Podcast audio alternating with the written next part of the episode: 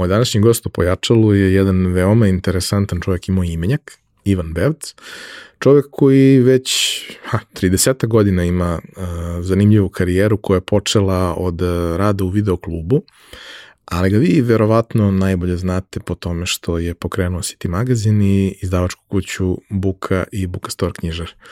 Uh, kako je moguće raditi nešto na malo drugačiji način nego što je uobičajeno i konvencionalno. Kako je moguće napraviti biznis u industrijama koje nisu baš jako popularni i ne rastu baš preterano brzo, ukoliko se opredeliš da umesto da radiš mnogo, radiš ipak neke prave stvari i biraš neke dobre ljude da sa njima gradiš svoje priče.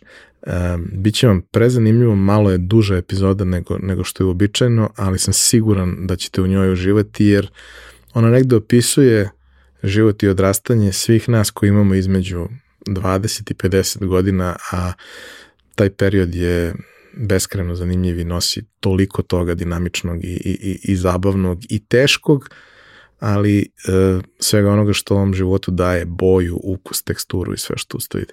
Uživajte. Realizaciju ove epizode podržala je kompanija Epson, koja je vodeći proizvođač projektora i štampača za sve namene, od kućne i kancelarijske upotrebe do profesionalnih uređaja koji se koriste od maloprodaje do industrijske proizvodnje. Već 20 godina u nizu proizvode najbolje projektore na svetu, a prvi štampač napravili su pre više od 50 godina. I dan danas svaki godin ulože preko pola milijarde dolara u istraživanje i razvoj novih proizvoda sa fokusom na održivo poslovanje i očuvanje životne sredine. Upravo zahvaljujući tome, njihovi inkjet uređaji najnovije generacije prave 94% manje zagađenja od konkurencije uz maksimalan kvalitet otiska. I vaš mobilni telefon koji sada nosite i na kome nas možda slušate i gledate, najverovatnije je napravio robot koji je stigao iz Epsonove fabrike. Roboti su super. Japanski roboti pogotovo. Za slučaj da želite da nas podržite vi individualno, uh, možete da posetite link u opisu podcasta na platformi Buy Me a Coffee i tu možete kupiti mesečnu pretplatu ili jednokratno donirati neki jednost koji želite. Hvala vam unapred na tom.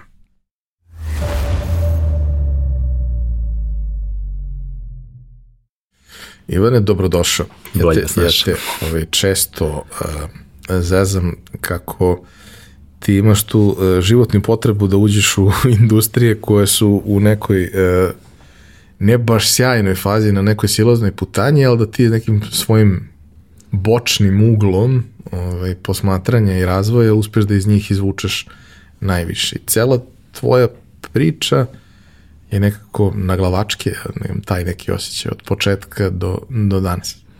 Ovaj, ti si najprepoznatljiviji po uh, City magazinu i Buka Storu. Uh, pričat ćemo o tome svemu, ali moramo prvo da ovaj, uradimo genezu bolesti i kako se to sve razvijalo kroz vreme, tako da za početak prvo pitanje, mančmelo pitanje, šta ste da budeš kad porasteš?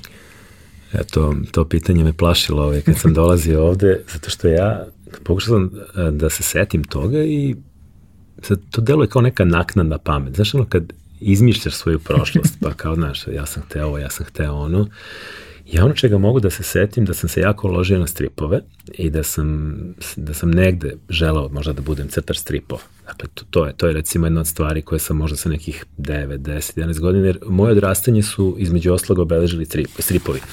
U to vreme je ta strip produkcija kod nas bila strašno jaka i ti si bukvalno svakog dana na kiosku mogao da kupiš neki drugi strip. Znači počeš kao klinac sa onom Mikijevim zabavnikom i almanahom, pa idu one zlatne serije, Luno Magnus strip, Alan Ford stripoteka i tako dalje.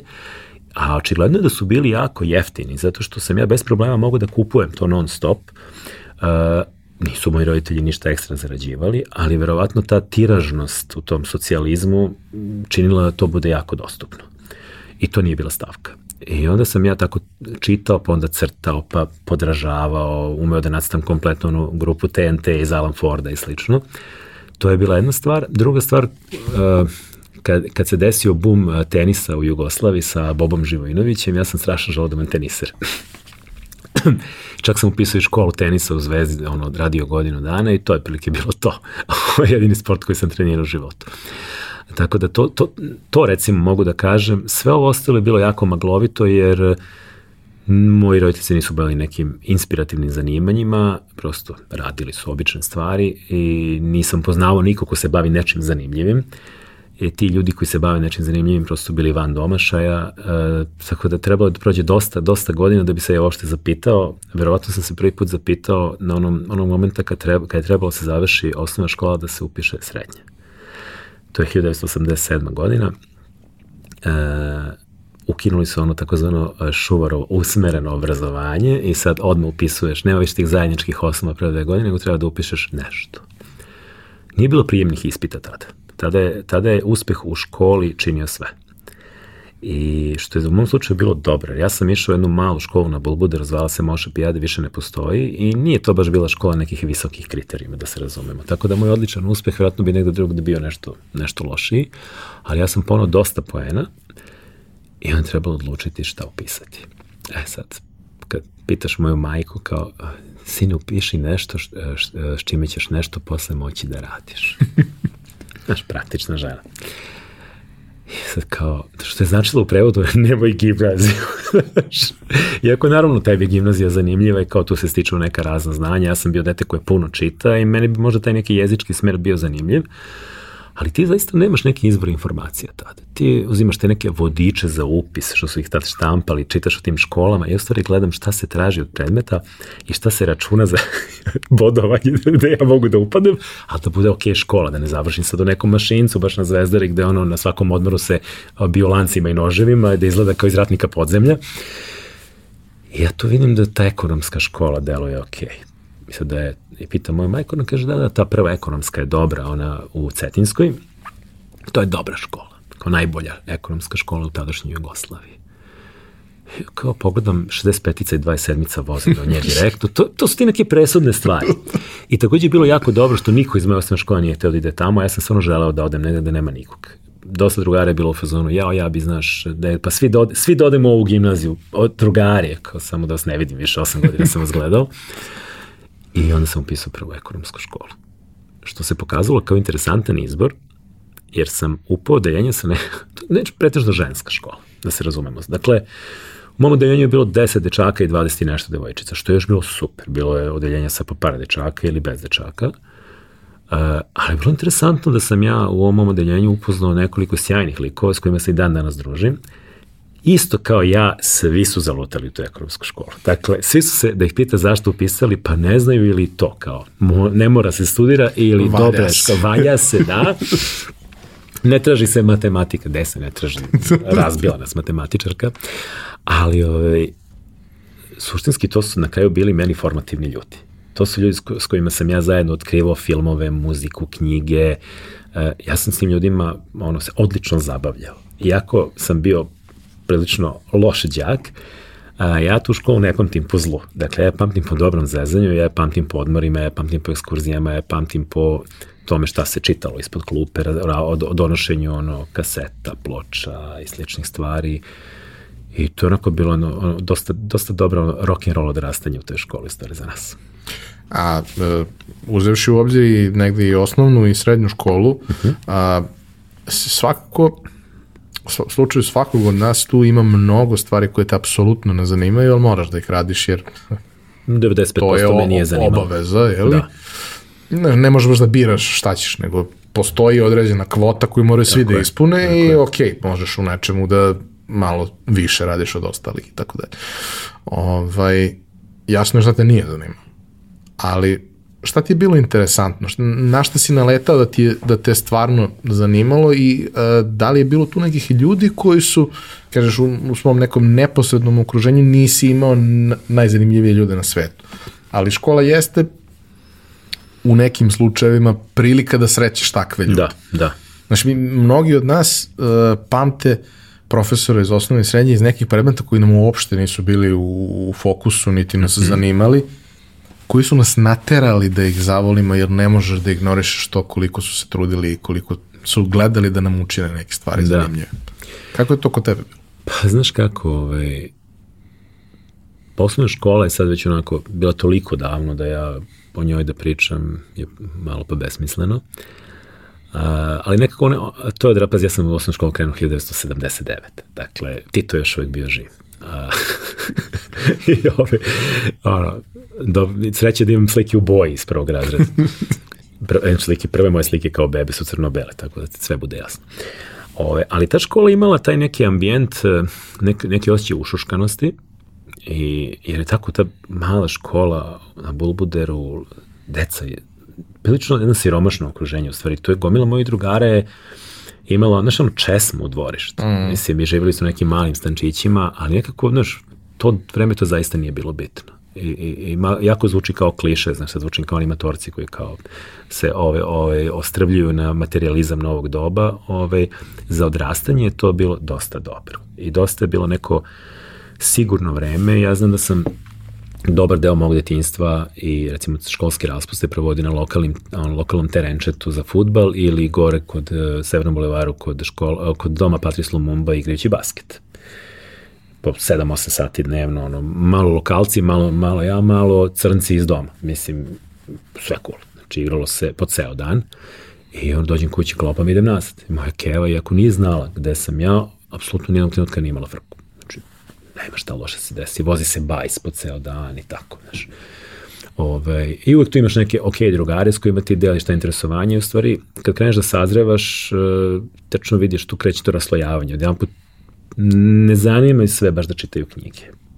Nije baš svakome ono interesantna ta muzika koju ti slušaš i onda se tu polako počete tu da se, da se nalazite.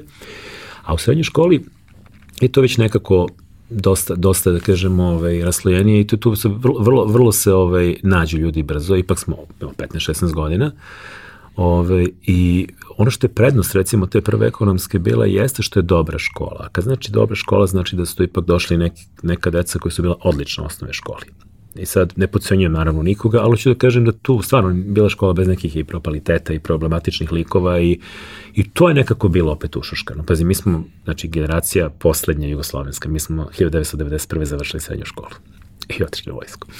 Ove, I tu, tu, je, tu je prosto bilo pronalaženje ljudi, a što se tiče profesora i predmeta, pa pazi, mene gotovo ništa nije tu zanimalo. Dakle, to je bila ideja, ok, ajde preguramo u školu, da je završimo, Zanimao me srpski zbog književnosti, bilo mi ok istorija, geografija, te stvari su me uvek zanimale. Tu shvatiš da si suštinski društvena nauka, da nisi prirodna nauka, iako si mora da učiš puno računovodstva, puno statistike i te neke stvari čak su meni i ostale. Ja se zezam nekada jedina korisna stvar iz srednje škole, to što sam naučio slepo da kucam, jer sam imao birotehniku.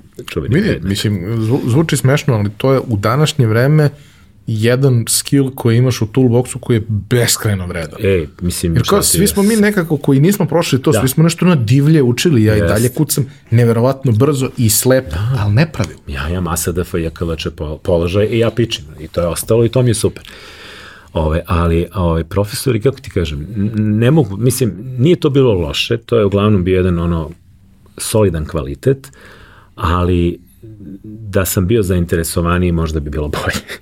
On, ono što sam imao sreće, imao sam sreće s raznim starešinama i to su bili ono, ljudi koji su nekako imali taj očinski stav i koji su bili tu da ti pomogu, da te podrže i, i to mi je jako drago i sad kad smo nedavno imali 30 godina mature, došao je naš razredni i čovjek u penziji već godinama I znaš kad, kad dođe čovjek koji ti bi razni koga izgrliš, izljubiš i sediš s njim i pijuckaš i družiš se i to je sad jedna potpuno druga dimenzija. Dakle, sad ste svi ste vi odrasli ljudi sada. Nekad si ti bio neko dete, on je bio neki to autoritet. On ti je sada prosto jedan drag, divan čovek za koga te vezuju neke ok uspomene. Tako da, e, nekako, e, mimo institucija sam se formirao. Jer ja kad završim tu školu, šta sam radio, ja sam išao opet u biblioteku i uzimao gomilu knjiga za čitanje. To je ono što je mene suštinski negde najviše vozilo, to je bilo, znači, knjige, knjige, knjige, onda muzika, filmovi, i ja sam se znači ono, haotično obrazovao. Dakle, e, bez ikakvog reda, ali nekako upijajući upijajući uticaj. Recimo, meni je, sad, ljudi danas, posebno mlađe generacije koje, znaš, na jedan klik imaju sve informacije koje im trebaju, ne mogu da razumeju koliko je tada bilo teško doći do informacije. Ako dođeš do ne, nečega da nešto piše zanimljivo, ti to pročitaš 10 puta. Ja sam skupljao te časopise, rock, ritam, jukebox pre toga, uh, Magazin Ritam kad je krenuo, sad to je ono kultni alternativni magazin ovaj, sa ovih prostora, svaki broj sam čuvao i pročitao po 10 puta. I e, čitao o albumima koje nisam slušao, jer nisam imao da ih nabavim. Ali to je tako dobro bilo napisano da sam ja dočekao da ih čujem, pa oni stignu za šest meseci godinu dana. Ja već sve znam o njima. Ja znam svaku pesmu, samo što nisam čuo. Znači, potpuno obrnut redosled. Dešava. Nemaš baš mogućnost da odeš na YouTube, ukucaš i poslušaš Teško. ili na Spotify. Ali kad nabaviš taj album, ti ga slušaš danima. I e, religiozno. Da, religiozno ga slušaš. I on te isto oblikuje.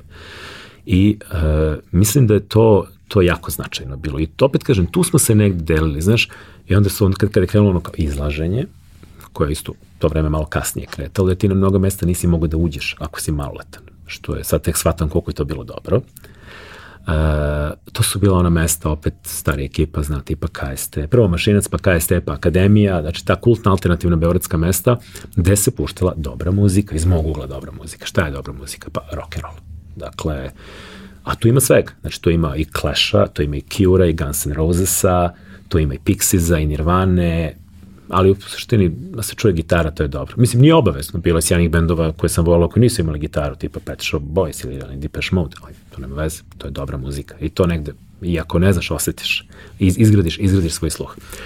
I negde ti u stvari kroz sve to vreme se usmeravaš, to ti, to ti gradi neki sistem vrednosti, to ti gradi ovaj, želju za kvalitetom, to, to, to te ispunjava. Sad ti ne možeš da shvatiš da to što tebe, što si pročitao i te dovelo do ushićenja, ljude ne zanima. Kako te bre ne zanima? Kako ti ova rečenica ne menja život? Kako ti ovaj rif te ne diže u nebesa? Kako te odgledaš prvi put u životu, recimo, film Taksista sa Denirom? I znaš, ćutiš pola sata posle filma. To kažeš ljudima i ti gledaju belo. E, onda shvatiš da stvari tvoji ljudi su isti oni koji su ćutali pola sata posle tog filma ili nekog drugog, ili ima da ti preporuča isto tako dobar film koji nisi gledao posle koga ono, su poželi, ne znam, da idu ulicom da viču, razumeš, i da zovu ljude da to gledaju. Shvatiš u stvari da je jako bitna stvar u životu da se ložiš. I ono, a to kasnije prevedeš i, i u posao, i u ljubav, i u bilo šta. Dakle, nemoj raditi stvari koje te ne voze, koje te ne lože, koje te ne inspirišu. Ako knjiga ne valja, ja posle 15. strane neću da čitam dalje. Ako film ne valja, posle 15 minuta ga gasim. Ako je čovek posle 15 minuta mene nije uspio da zainteresuje, pa teško će uspeti da me zainteresuje za 3, 5, 7 sati. Ko daje čoveku šansu? Ne, on je možda dobar čovek, ali meni nije interesantan. Tako da, e, ne, negde smo se na kraju, ne kažem ja da sad među ljudima koji vole sličnu muziku ja nema idiota, ima naravno i nije to, ne, ne, ne znači to u tom smislu, ali da bismo imali o čemu da pričamo mi moramo da imamo tu neku substancu u nama koji smo, a, a mi smo tu substancu izgradili puneći se različitim uticajima, a onda smo te uticaje vada e, preradili i pretočili u neki naš, neki naš proizvod, nešto što mi iz sebe emitujemo i dajemo drugima. Prosto to je neki proces, čini mi se, prirodan. Taj neki moment uh, tvoje osnovne škole i tog nekog najubrzanijeg i najkonkretnijeg odrastanja, hmm. 80. godine, onako lagani period raspada SFRJ, mm. koji je kasnije kulminirao.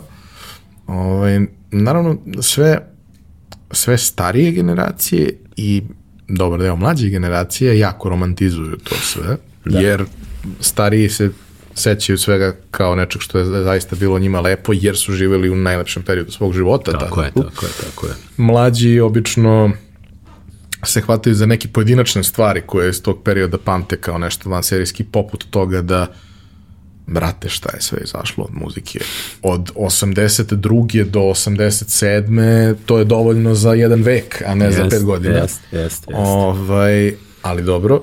Uh, pominjao si, dakle, odrastanje u jednom um, prilično skromnom okruženju i ne samo okruženju da si živeo, nego i školi koja je tu mm -hmm. bila i nekako mi se čini uh, da je možda važna stvar za svakoga ko prolazi tako nešto, uh, da je uh, u okruženju sebi sličnih.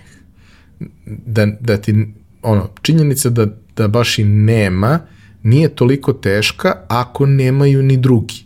Tako Onda je. ni ne znaš da to negde ima i nisi željan toliko i nemaš tu vrstu uh, neke unutrašnje potrebe. Željan si nekih stvari koje ne moraju nužno da budu samo materijalne. Tako je. Ovaj, pominjao si uh, koliko je važna stvar u tvom životu bila književnost i na kraju se ispostavilo da je to tvoj e, životni poziv, na, jeli? ali uh, kažeš isto tako da u tvom okruženju nisi baš imao prilike od koga da vidiš to. Nije imalo baš nekog razloga da te to povuče, ani povoda. A kako se to ipak desilo? Pa, iskren da budem, ne znam. Dakle, to je valjda dokaz opet da nešto čini taj genetski materijal koji opet je čudan miks, jeli, koji se tako desio kod mene. Uh, kako kažem, okruženje nije bilo nešto pretredno stimulativno, pazi, nije bilo ni destimulativno, što je jako bitno. Podržan sam bio tome, dakle, bilo je super što ja čitam, bilo je super Samo što nije se... imao ko da ti preporuči. Nije imao ko da mi preporuči, ovaj, tako da, ha, pitaš bibliotekarku, pitaš, uh, čitaš poleđinu knjiga, pa sad zezneš se, onda uzmeš nešto drugo, mislim, to je, uh, istražuješ. Znaš, i to je jako zanimljivo, zato što nekim redovnim putem bi ti možda u nekim ustaljenim stazama išao. Ovde, malo si nekad i zalutao, pa došao do nekih sumanutih stvari, pa kao pročitao, pa niti bilo baš najjasnije, ali nešto, to nekog crva usadi u tebi, ili pročitaš da je na tu knjigu, aha, aha ovo je uticalo na to, ok, ajme da imamo šta je to što je uticalo, kao i kod bendova, tako i kod književnosti, dakle, shvatiš da ima nešto pre. Znači, rekao sam recimo što se tiče muzike, sad ti slušaš ko klinac lupam, Duran Duran, i sad kao, wow, to je kultni band kad sam ja bio klinac, ok, a onda ti kažu oni, pa da, znaš, oni su odrastali na Beatlesima, aha, čekaj, su to Beatles, aj nađemo Beatles. A onda vidiš kao pre Beatlesa je bio neki Elvis Presley, ok, ajmo sada njega da preslušamo. I onda sam ja u stvari otišao na početak da bi opet došao, paralelno sam ja popunjavao te rupe znanja, a paralelno slušao ono što upravo izlazi, kao spomenuo si to šta je izlazilo, pa mislim, skoro sam video baš negde, podsjetio sam se podatka 1991. godina. Izlazi prvi Massive Attack, izlazi Nevermind Nirvana, Pearl Jam 10, Guns N' Roses Use Your Illusion 1 i 2 i crni album od, od Metallica. Dakle, pet albuma među ono sto najboljih svih vremena u tri meseca. Mislim, eto, erupcije dešavaju se ti momenti. A nema na YouTube. Nema, Nego nema. moraš da kupiš nosač zvuka. Nosač, pa on zato se i proda 20 miliona nosača zvuka i oni se svi lepo obogate, što je bilo divno za njih. Uh, Hoću da kažem da, a to što kažeš nije bilo, da, to, to je isto interesantno, ovaj, e, e, duševnu hranu tražiš, mislim, možeš da dođeš do nje i to je on, on, ona neka čudna demokratičnost tog vremena da svima nam je bilo podjednako nedostupno i morao se se iscimaš. To je ono što današnjim klincima teško pada bilo kakvo cimanje po znacima navoda. Nama, mi nismo znali drugi put. Dakle, ti si morao da se iscimaš da bi došao do neke ploče, jer nečiji brat ima tu ploču, pa onda odeš s kasetom Maxel, pa ti on, ili TDK ili BASF, pa ti on snimi na svom stubu, ako ima nekog tehniksa još bolje, ono, da to bude dobar zvuk, i onda ti to slušaš. Tako, ili pozajmiš od nekoga knjigu, pa paziš da ne saviješ, pa vratiš. Znaš, jednu knjigu, sećam se onu biografiju Jima Morrisona, No One He Gets Out Alive, i na engleskom smo svi dobili, dobili na po 5 dana, pa čitali, pa davali dalje dok nije stigla do vlasnika, opet ono, raspadnute, umašćene, ali kao, tako smo mi to čitali, zašto? Pa nema, prosto nema. Sad ti možda uđeš u 10 beogradskih knjižara da nađeš tu knjigu na engleskom, sad vidim da je izdala i Laguna konačno na srpskom. Tad nije bilo, a svi smo se uložili na Jima Morrisona i Dorse. Uh, tako da, ovaj, poenta je bila ono, ako te zanima, ti ćeš naći ako te nešto, ako si zaista željan nečega, doćeš do toga. Onaj materijalni deo, on stvarno nije bio nešto presudan. Dakle, super je bilo ako ti imaš love, pa sad ni, možda putuješ pa da kupiš ploče ili da ti neko donese i sve to, ali i ako ne može, vidi, znaš neko ko može, pa ćeš otići Da, kod uvek njega. je bilo ili ti imaš ujaka ili neko ima ujaka. Neko, znaš, a ujak stari rocker, razumeš, ili metalac ili nešto, e, on, e ima on Iron Maiden album koji će se baš teo da preslušaš i to je tako. Tako da, e, bilo je zaista pitanje ono interesovanja i volje i želje. Nije bilo pitanje mogućnosti. Mogućnosti su bile svima podjednako slabe. Rekao si da srednja škola nije baš ovako preterano zanimala i da si kroz nju prošao vrlo skromno, Da, ali si prošao. prošao sam. I da. onda je došao trenutak da se opredeliš uh, šta ćeš da budeš kad porasteš, odnosno Ne. šta ćeš da studiraš, a samim tim i čime ćeš da se ne znaš ni baviš. sa 19, ne znaš ni sa 39, a kamo ni sa 19 godina, da. Zašto si se ti opredelio? Mislim, kako je prosto uh, misalni proces? E, znaš što to sad taj neki moment kad si ti kao sad umetnička duša, ti si sad neko ko nosi dugu kosu, znaš, što si fazon. Ne znam, ni, nisam to nikad imao. ali- Dobro. Ove, ali, ali hoću da kažem da, da, znaš, da ti sad uzletiš, sad imaš ono opet dobar deo ekipe koji deće, pa na ekonomski fakultet, naravno, što meni je apsolutno, znaš, i sad još to i da se obesim odmah. E, neki odu na pravni, neki ono, ja naravno jedini kao i uvek, kao što mi jedini iz osnovne škole došao ovde, jedini biram istoriju umetnosti. Zašto? Pa eto, to me zvuči dobro. Mislim, veze ti realno nema šta se tu uči, ja sam znači, toliko si neobavešten u tom trenutku da ti ni ne kapiraš da to kad se kaže umetnosti misli na likovnu umetnost, a ne na umetnost. Ja sam očekivao neko renesansno mesto gde ću ja učiti o svim umetnostima, ali to baš nije to. Ove, ovaj, a paralelno s tim ti, znači, stiže poziv za vojsku. I sad to je onako, nadam se da ove generacije mlađe ove, i ove koje dolaze prosto neće se suočiti s takvim momentima, mada naježim se od ovih politikanstava tipa da vratimo mi obavezni vojni rok i, slič, i slične priče, ovaj, da, da, da, vratite i idite vi. Mislim, i svi koji se lože na to, neki idu oni. Ovaj, oni koji, mislim, besmisleno je sve potpuno, a u to vreme vojska M traje godinu dana i samim tim jedno ozbiljno gubljenje vremena. A, a ja sam, potpuno te izmesti iz ono, socijalnog konteksta u kom si bio. Znači, vojska je bila mesto koje su volili samo ljudi koji su živjeli u jako pasivnim krajima, u jako teškim uslovima. I on dođe u vojsku, ja sam sreo tako. I njemu je to ekstra. Njemu je super. Meni je čovjek u vojsci rekao, meni je ovde fenomenalno. Ja na mom, mom selu ustajem u pet da bi nahranio ovce, a ovde spavam do pola sedam. Ustanem, čeka me doručak, tamo sam morao sam da ga pravim. I sve dalje i dalje i dalje. A ti koji si ono razmažen u Beogradsko dete, mislim, nisi ti razmažen, ali živeo si neki normalan život po mojim standardima, si u potpunom šoku, jer kao shvatiš da je tamo tuširanje jednom sedmično. I td. i td. i td. Bili, znaš, ono zezanje. Fakultativno tuširanje jednom Pa da, kaže, znaš, ono, menja se dolji veš, ali između sebe. Tako. Ove, ovaj, ja upisujem tu istoriju umetnosti nekako, ovaj, polažem taj ispit uz, ono, uz čuvenog Jansona ili Jensona, kako se to sad izgovara, pročitam ja to, neki test opšte kulture razvalim, ovo radim solidno i proćem i odem u vojsku. A, to je bila kratka epizoda, pošto sam se vrlo brzo iz te vojske izvukao, jer kad sam došao, shvatio sam pod jedan da to meni apsolutno, i da je mir ne odgovara, a pod dva uh, poče, počinje vrlo ozbiljan rat. Tako da sam u roku od 7 dana ovaj, ih ubedio da ja nisam za to i oslobodili su me. Mislim, ne, ne znam niko ko je brži bio od mene. I to je bilo, to je bila srećna okolnost. Sam se vratio u Beograd, otišao na more, naravno, potrošio, potrošio pare koje sam dobio za ispraćaj to je bilo jako isplativo. Ja sam rekao, mogu ja svaki godin da idem u vojsku ovako. I on se vratio i krenuo da studira. Mi je vrlo brzo shvatio takođe da, da, da taj fakultet baš i nije nešto, ovaj, da to nije baš tako zanimljivo, onda, onda je krenuo raspad.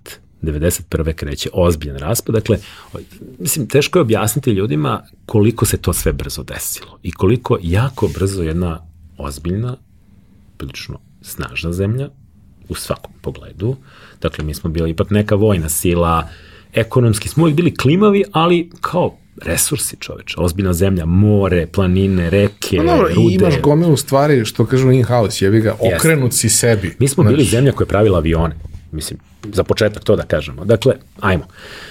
Uh, I što je najgore, znaš, ona se nije raspala u trenucima, pazi, 80. su bile vrlo turbulentne posle Titove smrti.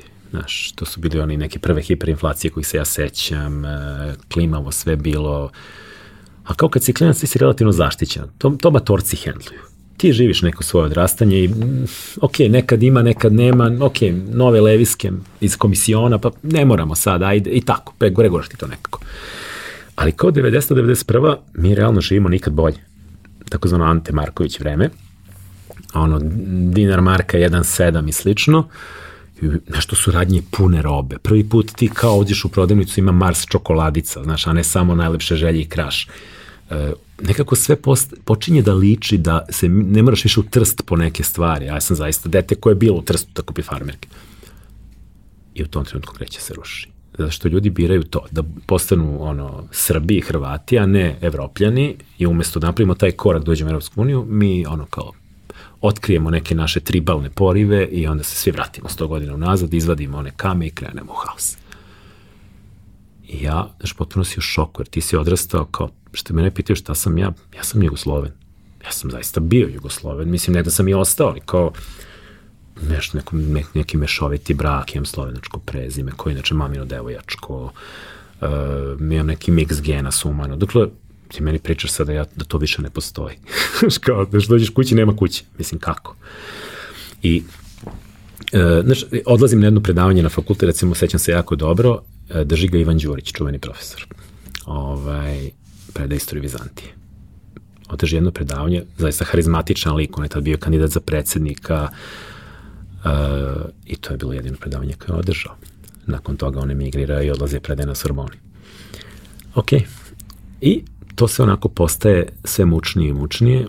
Ja shvatam da to ne ide u dobrom smeru, ali kao aj sa šta ćeš, ideš na taj fakultet, živiš sve neki studentski život, pitaš se zašto studiraš uopšte, šta će ovde biti, odlaze Slovenija, odlazi Hrvatska, tamo su neki užasi, onda polako kreće se ljuljeta Bosna, sve shvataš ako krene Bosna, bit će ozbiljno sranje, zato što je Bosna najveći miks Uh, da Jugoslaviju malo. Jeste. Onda ove, ovde naravno orgije nacionalizma, loženje na Miloševića. Ti kao ideš na, ja sam, znaš, ja sam učestvovao, e, ono, ok, 9. mart sam propustio, ali sam bio ono, od Terazijske česme, Vidovskog sabora, ideš na sve moguće demonstracije, protestuješ i stalno si manjina u ovoj zemlji i na, i, i na svim izborima se nešto uložiš i onda popiješ po ušima, podsjetite, da.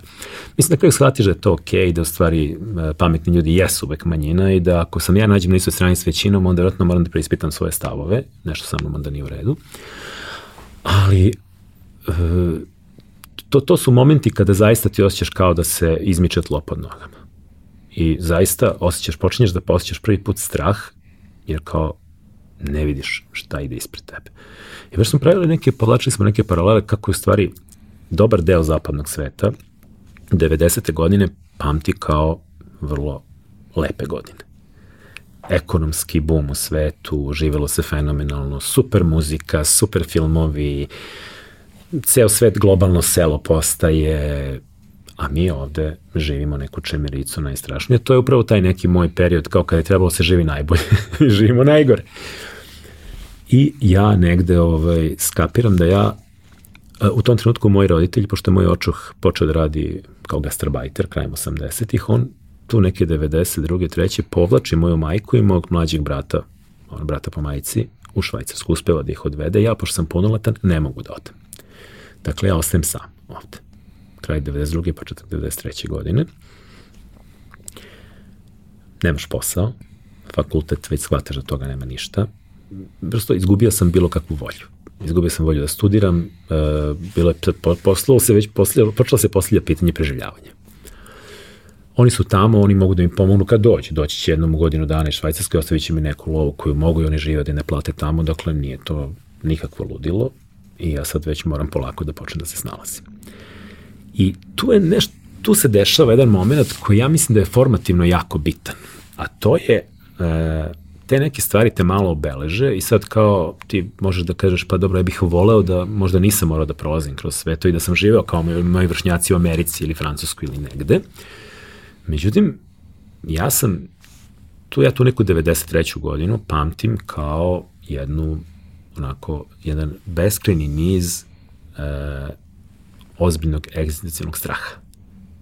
Da ti zaista nisi siguran baš šta ćeš sutra ili prekstra da ručaš, snaći ćeš se ti, ok, otićeš ovde, onda nešto ćeš da, zav, nešto ćeš nek, nešto da uradiš, neke pare ćeš da namakneš, ili ćeš da pozajmiš ili to, ali taj osjećaj je u stvari jako neprijetan. Taj osjećaj, znaš, kad ljudi vole da idealizuju i romantizuju taj neki život na ivici, na margini, znaš, to je nešto su kao super je Bukovski, ali ne bih živao kao on. Volim da ga čitam, znaš, ali baš da spavam ono, pod mostom u kartonu i slično, hladno je, jebi ga i ne volim da sam gladan.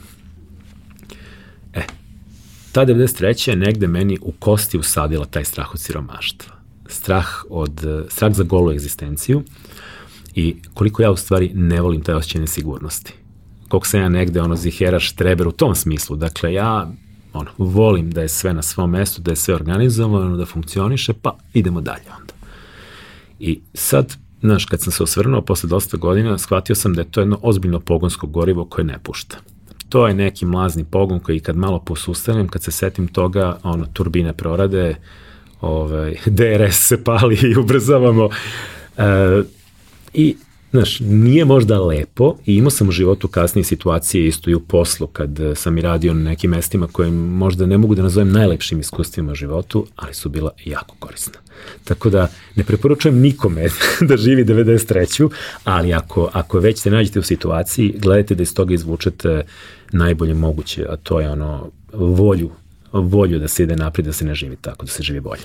Znaš šta, mislim, ja se toga sećam kao baš klinac, ali bio se si, sećam... za, ali bio si ipak zaštićen. Tvoji su bili gromobran, verovatno. Naravno, ali jesam bio dosta dobro informisan, plus smo mi imali negde porodično jeli, situaciju, tata se tada razboleo, u najnezgodnijem Naravno, trenutku naravno, i tako da. dalje, a on jeste bio apsolutno ono, stup porodice, Keva na svoj način, on na svoj Tako je, način svoju bilo je dosta, dosta teško, komplikovano, stresno i tako dalje, ali je postojao taj neki osjećaj, mislim, bar je to bio moj utisak, ja, ja sam bio dete, ali mm. -hmm. star mali, baksus.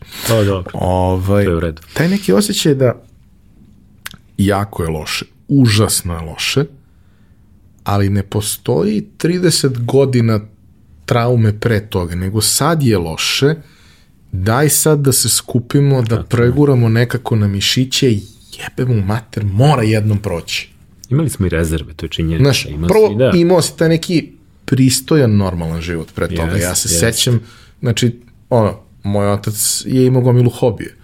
Sve što ima od hobija smo rasprodali tokom tih godina. Ostalo je ono, od Ali to je- mora ali- fotoaparata, ali ostao to je je u redu, od- prosto ali zna imao se si šta je nešto, bitno, imao si da. neku rezervu i imao si taj moment dobro, jako je loše, ali proći će. Tako je, tako Proći će jednom, ne može trajati večno, koliko može traje, ne znam, ali ne može večno. To je mantra koju ponavljaš, Znaš, koja te I održava. činjenica, u tom obliku i na taj način nije trajalo večno.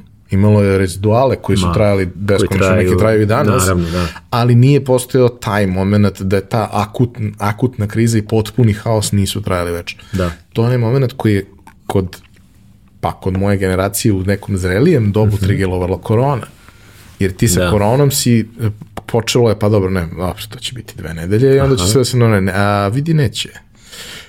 A kad će da prođe? E, Pa, možda nikad ne prođe. Da. Znaš, ok, onda, počeo rat, pa je onda sve prošlo, jer rat ima tu situaciju da normalizuje sve ostale Da, da, učini sve ostalo benigno, odnose, da.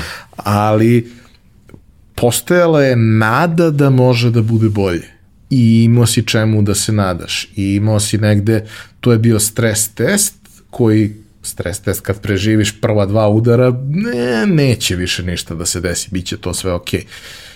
Naravno, kogod je to preživeo, a seća se toga, i dan danas se nije oporavio i ima taj, ono, ima tog eh, ovaj, hrčka unutra koji grebe svaki put kad, Aha, kad aha. ovaj, dođeš negde na, na, na rizik ovaj, egzistencije, ali postojao taj moment uh, nade da će stvari biti bolje i jednom će biti, biti okej.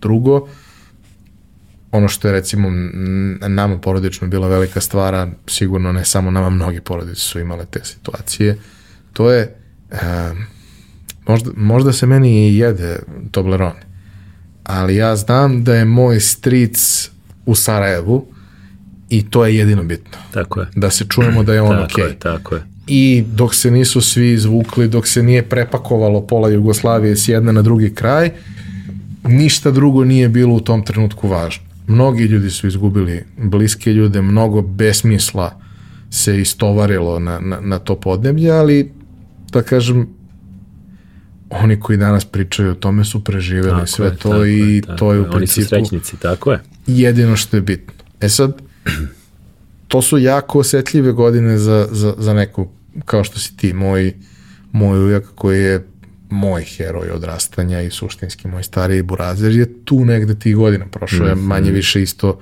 isto kroz tu celu stvar.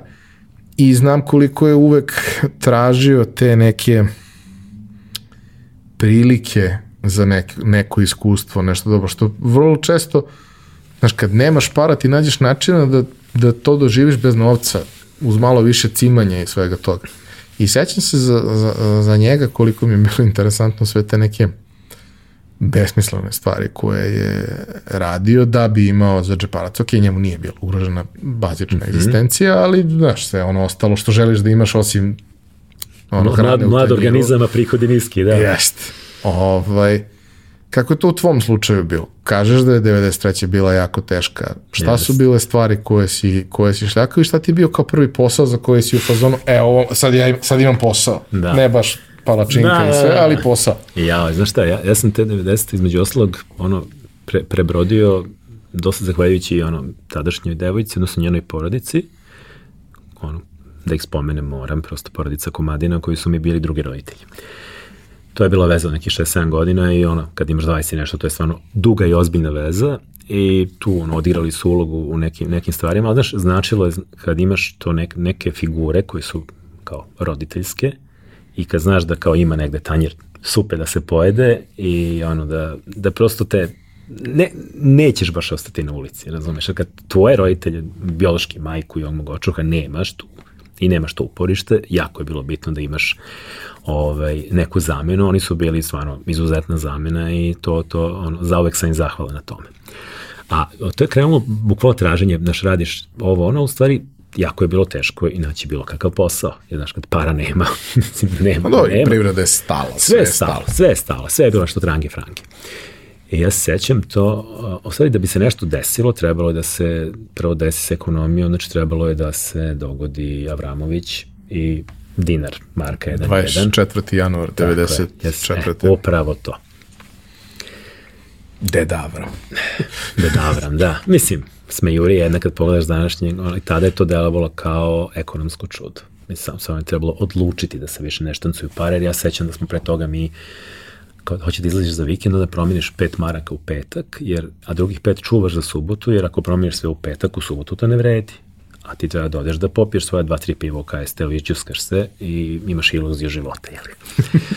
E, tako da je to bilo to. I, I sećam se da to je bilo, to je bilo jako smešno. Našao sam bio ovaj, neki, neki ovaj, krat, kao, ajde sad nešto, trebaš neke te sitne posliće, nešto, da uzmeš neku kintu bukvalno danas za sutra, negde će te platiti ako mogu odmah. I ja sećam, gledaš one oglase u politici, novostima, gde drugde. I ja vidim oglas, traži se čovjek sandvič. Šta je to? to je onaj vid reklamiranja što još u Americi postoje 40-ih, 50-ih, ti staviš na sebe onu tablu, napred tabla, nazad tabla i na njoj je neka reklama za nešto. I šta radiš? Ideš prez grad. Samo ti fali ono zvonce, to nismo dobili. Ja sećam, znači, ja kao klasičan idiot, ja prvi dan obuvam Martinke. I u Martinkama 50 puta idem od Slavije do Kalemegdana, fasujem žuljčine najgore, sledeći dan sam i put starki. I kao, to ti plate recimo 5 maraka za tih 5 sati. Wow. Znaš, kao tih 5 maraka, sad opet da objasnim ljudima, s tih 5 maraka si ti mogao onako ozbiljno da se najdeš. Šta ćeš više u tim godinama? I sad odlazim jedan dan, odlazim drugi dan, odlazim treći dan. Četvrti dan mi dolazimo, kreće kiš. Ej, šta sad da radimo? Ovaj majstor kaže, jebi ga, klinci, danas nema posla, pada kiša. I ja, deću, šta ću, sad sam tu već došao da se nađemo tu nedeko trga. I ja kao, ajde odem ja kod mog drugara Pece koji, koji radi tu dole u firmi Elektrokovina u Jovanovoj, kod, baš kod instituta za strane jezike. On je tad počeo radi u firmi Demoj Ćale. Popijem kafu, razumeš, kod njega se malo išćeskamo, pa idem kući. Sve što su ti ti momenti, klik, klik. Ja dolazim, e, a bla, bla, mi krećemo, znači čovjek s kojim sam sedeo u srednjoj školi u klupi. On, godinama do najboljih prijatelja. I dan danas. I dok, dok on pravi kafu, ja naravno uzimam novine da gledam mogla se za posao, jer kao šta, ćeš, mislim. I ja vidim, traži se kao osoba koja poznaje film za rad u videoklubu Sinđelić. U mojej glavi Sinđelić jednako, fotbalski klub Sinđelić jednako kafana Sinđelić, ja, to, a to ti tako daleko deluje kad si klinac, to tamo negde, ka učiteljskom naselju. Ulica Sinđelićeva, broj 6, javite se u 17 časova. Znači, piše ti kada dođeš. Tako izgleda oglas. Ja pitam Ćaleta od ovog mog drugara, čekaj, Pero, pa deo Sinđelić, pa tu kod Vuka. Pazi, ja živim tu groblje, razumeš? Ja kao, kod Vuka. Ok, spremim se ja i odem. No, dođem tamo, ono, 50 ljudi čeka na razgovor. Ja već kao, brate, šta je ovo? Znaš, svi traže posao, svi su neki, tako ko ja, malo stariji, malo mlađi. Znači, ja šta imam u tome, tu imam 22 godine.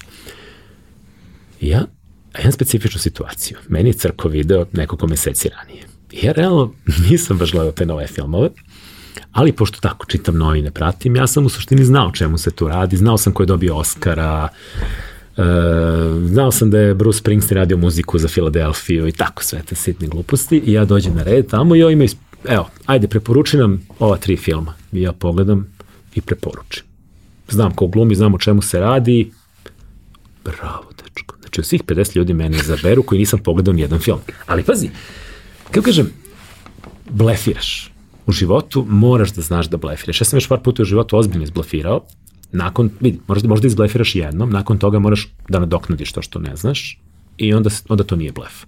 Ali ako misliš da ćeš se blefiranjem voziti predugo, to je greška.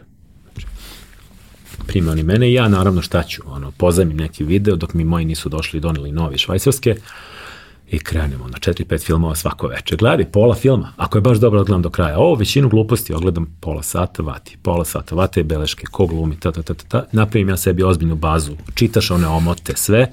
I ja sam, znači, za 2-3 meseca postao ono, bog i batina tu, razumeš? I ko počeli ljudi dolaze zbog tebe, umeš da preporučiš film. Onda skapiraš da u stvari si negde u duši dobar trgovac. I da ti, a meni je to jako zanimljivo, znaš, to, e, to je nešto što, ok, naravno to razvijaš, ali moraš da imaš valjda i neki gen za to i neku, neku valjda socijalnu inteligenciju da prosto umeš ljudima. Da imaš neki, ipak neku zrno šarma i da ih čitaš i da umeš da im se prilagodiš u tom trenutku, i da, ali da ih ne zezaš, nego da zaista znaš. Ako mu dam glup film, mogu jednom, drugi put ne mogu. I onda, e, kad, ili umeš da kažeš, e, nemoj, taj film je sranje. Što mene gazdarica tela da ubije tada. Ja kažem, da, ali doći i sutra dođi sutra, kaže, hvala ti. Najbolja stvar na svetu je kad kažeš konobaru, donesi mi to. Ne, te orasnice stoje dugo, nemoj. Mm. e, a bukvalno to. I, pazi, to je bilo godinu i po dana rada. Mislim, malo je to, znaš, ono, time consuming. Ti dođeš na posao pola tri, radiš do pola deset. Znači, u kontri si sa svim prijateljima. Dođe subota, ti radiš od pola 11 do pola deset dođe nedelja, u nedelju ne možeš da stojiš na nogama, spavaš, odmaraš se od tog tempa rada. Ali s druge strane, kao stvarno, gomila nekih likova ti ulazi, upoznaješ jako mnogo ljudi, pričaš s njima, oni dođu, ti napriš kafu nekima koji su ti gotivci. Ja sam par prijatelja upoznao tamo. I, i, i, I dan danas sretnem neke ljude koji mi se javi na ulici koji me znaju iz videokluba. Mislim, a ja, se, a ja znam koji je broj njihove šalske karte. Što je posebna vrsta ludila. Nema veze jako zanimljivo iskustvo. Međutim, posle godinu nešto dana malo zamor kreće, malo kreće taj odnos sa vlasnicima da se kvari, jer, bože moj, znaš, ono, ako praviš dobre pare, on treba mnogo para ti da, onda njega to srbi. Iako je to samo procenat od njegove zarade, opet nekako on traži način da to malo smanji i onda kao, ajde, nije to baš... Rastali smo se relativno brzo. U jednom trenutku je to za dva dana se raspalo i ok, ja se pokupim odem, ali tad sam naučio još jednu stvar. Kad napustiš posao koga ti je dosta, to je jedno od najboljih osjećaja na svetu. Kad izađeš od nekud, kao da se skinu 100 kila sa ramena i hodaš na ovakvim vazdušnim, vazdušnim jastucima.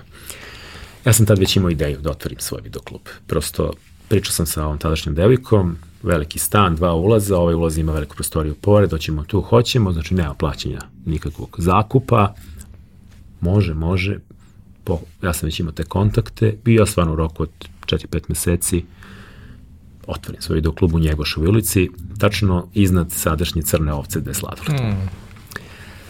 I taj video klub je radio tri godine i nešto do bombardovanja. I radio je super. Ok, tad sam naučio jednu stvar, a to je da si sam sebi najgori gazda i da ja za tri godine sam radio i mrtav bolestan i ovakav i onakav. Uh, nikad, ono, jedino par puta sam ga zatvorio kad sam otišao na more i to je bilo to.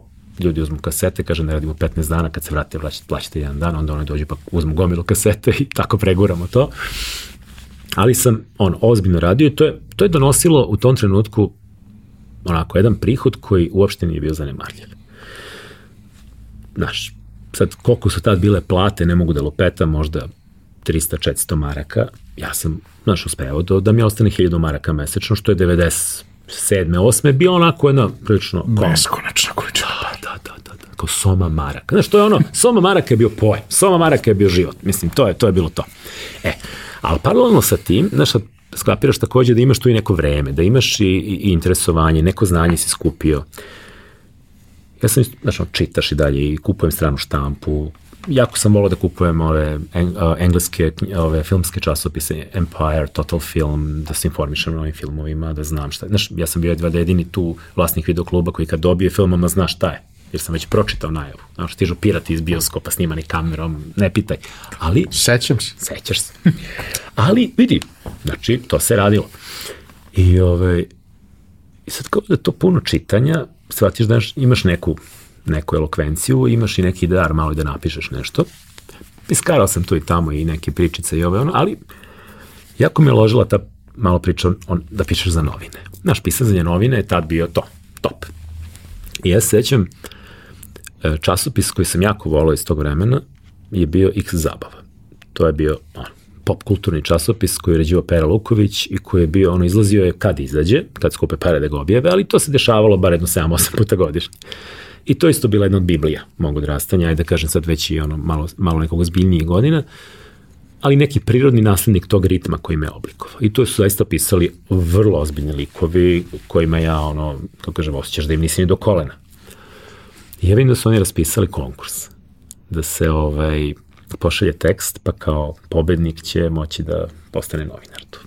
Iako imam vremena da radim to video klubu, znaš, nekad se deseti niko ne uđe po pola sata, 45 minuta, imam sam neki primitivni laptop crno-belog ekrana, težak 15 kila, 386-ica recimo, ali vidi Word procesor radi.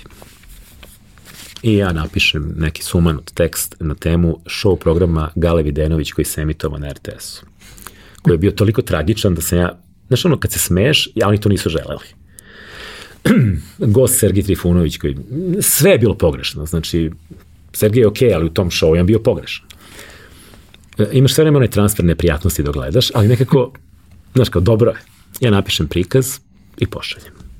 I sad, znaš, ono, kada će, znači, sledeći broj, nemam pojma, i izađe sledeći broj, posle dva meseca, e, to su oni momenti koji se sećaš u životu. Znaš, što kaže, kad umrem, kad budem umirao, sećat ću se i tog. A to je da ja kupujem to na ulici od kolportera, kao tu se prvo pojavi, pa onda stigne na kioske. I krenem da listam, listam, listam i vidim svoj tekst. I to je onaj moment kad se sve zamrzne oko tebe, ti nema saobraćaja, to je bulevar, ono, kraj Aleksandra, ali nema tišine, nema saobraćaja, nema ničega, to je ono, kao u filmu. Ja ne mogu da dišem, kao, ja povraćam se i čitam kako je, tri teksta su objavili, kao, ja sam to pobedio, neka devojka je bilo, s kojom ne znam šta je bilo, treći je bio Dimitri Vojnov. I kao pozivamo da se jave u redakciju. Ja se ono, znaš kao, iskulirao sam jedan dan da se ne javim odmah, nego sutra dan. No, da ne budeš baš Da ne budem baš toliki paćenik, razumiješ. I, ove, ovaj, I ništa, ja kao javim se, on me pozovu, upoznam se s redakcijom. To je bilo kao odlazak na hodočašće. Dakle, kao, znaš, kao da sam otišao na Hadžiluk u Meku, mislim, prosto odlaziš u redakciju svog omiljenog magazina, sve ti je sumanuto, ali kao, oni to tamo primaju najnormalnije, to je bilo vreme kada je Perluković stvarno bio još uvek normalan i bio je cool i bio je sve okej. Okay. Mislim, čovjek koji je bio idol meni tada.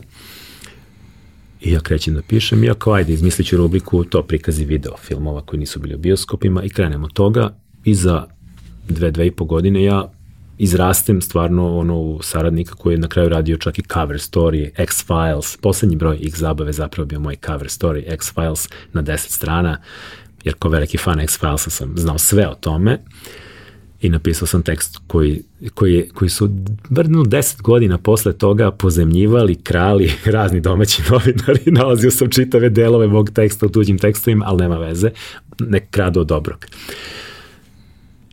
I ovaj, tako da sam paralelno dakle pisao za novine, pisao sam i za tadašnji uh, magazin Evropljanin koji je uređivao ovaj, pokojni Ćuruvija.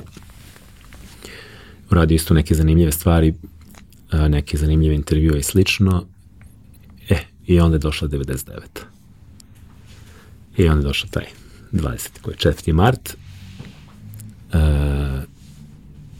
ok, devojka sa porodicom se skloni u Makedoniju jer tamo imaju rodbinu otac njihov čovjek je bio inače radio je ovaj on je doktor bio ovde radio za praktično MUP tako da je on otišao ne znamo gde i ja ostajem sam tu znači u tom stanu ogromnom držim taj videoklub čuvam stan i radi i gledam šta će da bude i to je tih koliko 70 i nešto dana trajalo.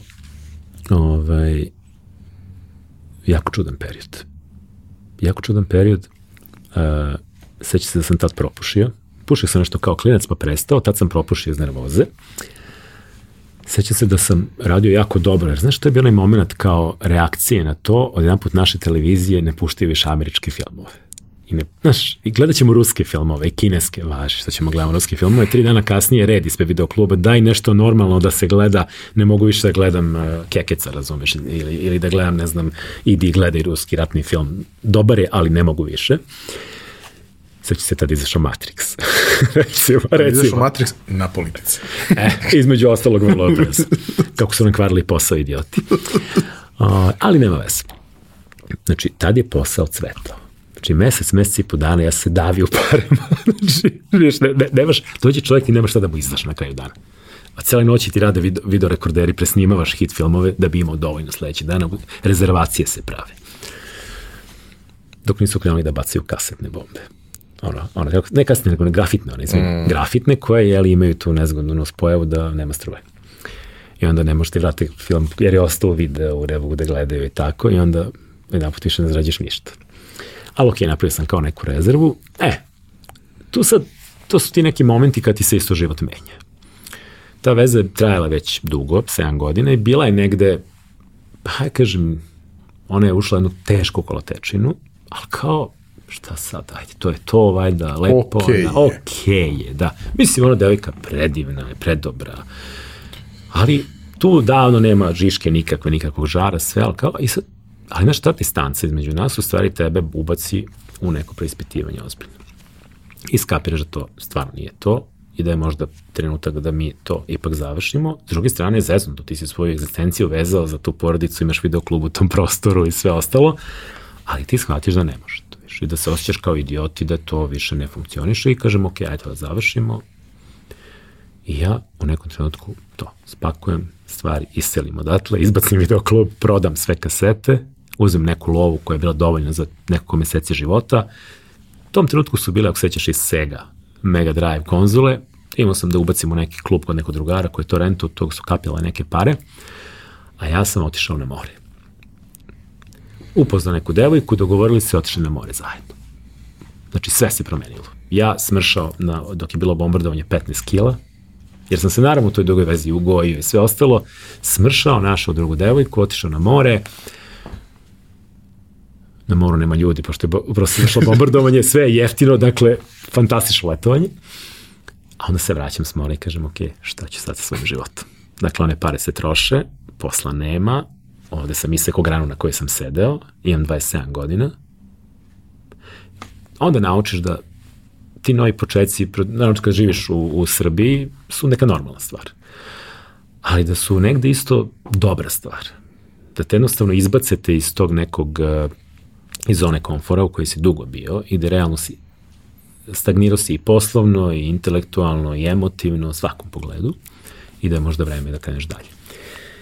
I počnem tražim opet posao, da vidim šta, šta će biti i tu sad se desi opet jedan vrlo zanimljiv moment da ja vidim da traže otvorili su prodavnicu muzike u Beogradskom izlogu dole u podrum, IPS tadašnji. Oni su držali bilet servis, imali su prodavnicu stranih knjiga i upravo su otvorili muzički, music store, mislim sa rezancima naravno, narezanim bugarskim i ostalim diskovima, ali to je tako bilo tada. To je dakle početak neke 2000. godine. Ja se prijavim, isto razgovor, sve, ok, prođem. To je, uglavnom sam prolazio život na takvim razgovorima. Problem je, znaš, da su i vlasnik firme mladi, njegova žena je mlada i da su vrlo cool ljudi, normalni ljudi, da tu radi jedna skroz ok ekipa. Iako, znaš, nije to neka lova i ti počeš za nekih 200 nečega, šta god tad bilo evra i marke, više se ne sećam, ali opet to te hrani. To ti daje da preživiš. A i radiš, brate, nešto, što se ložiš, što dosta pomaže. Jeste, jeste, apsolutno. Radno vreme 6 sati, cool. Smene, cool. Svaki drugi vikend se ne radi, cool. Imam 27 godina, brate, mogu vol rep da iščupam, sve može. I radio sam tu nekih ovaj, godinu dana u radnji, onda kao, e, ti deluješ da bi mogao da radiš nešto bolje od ovoga.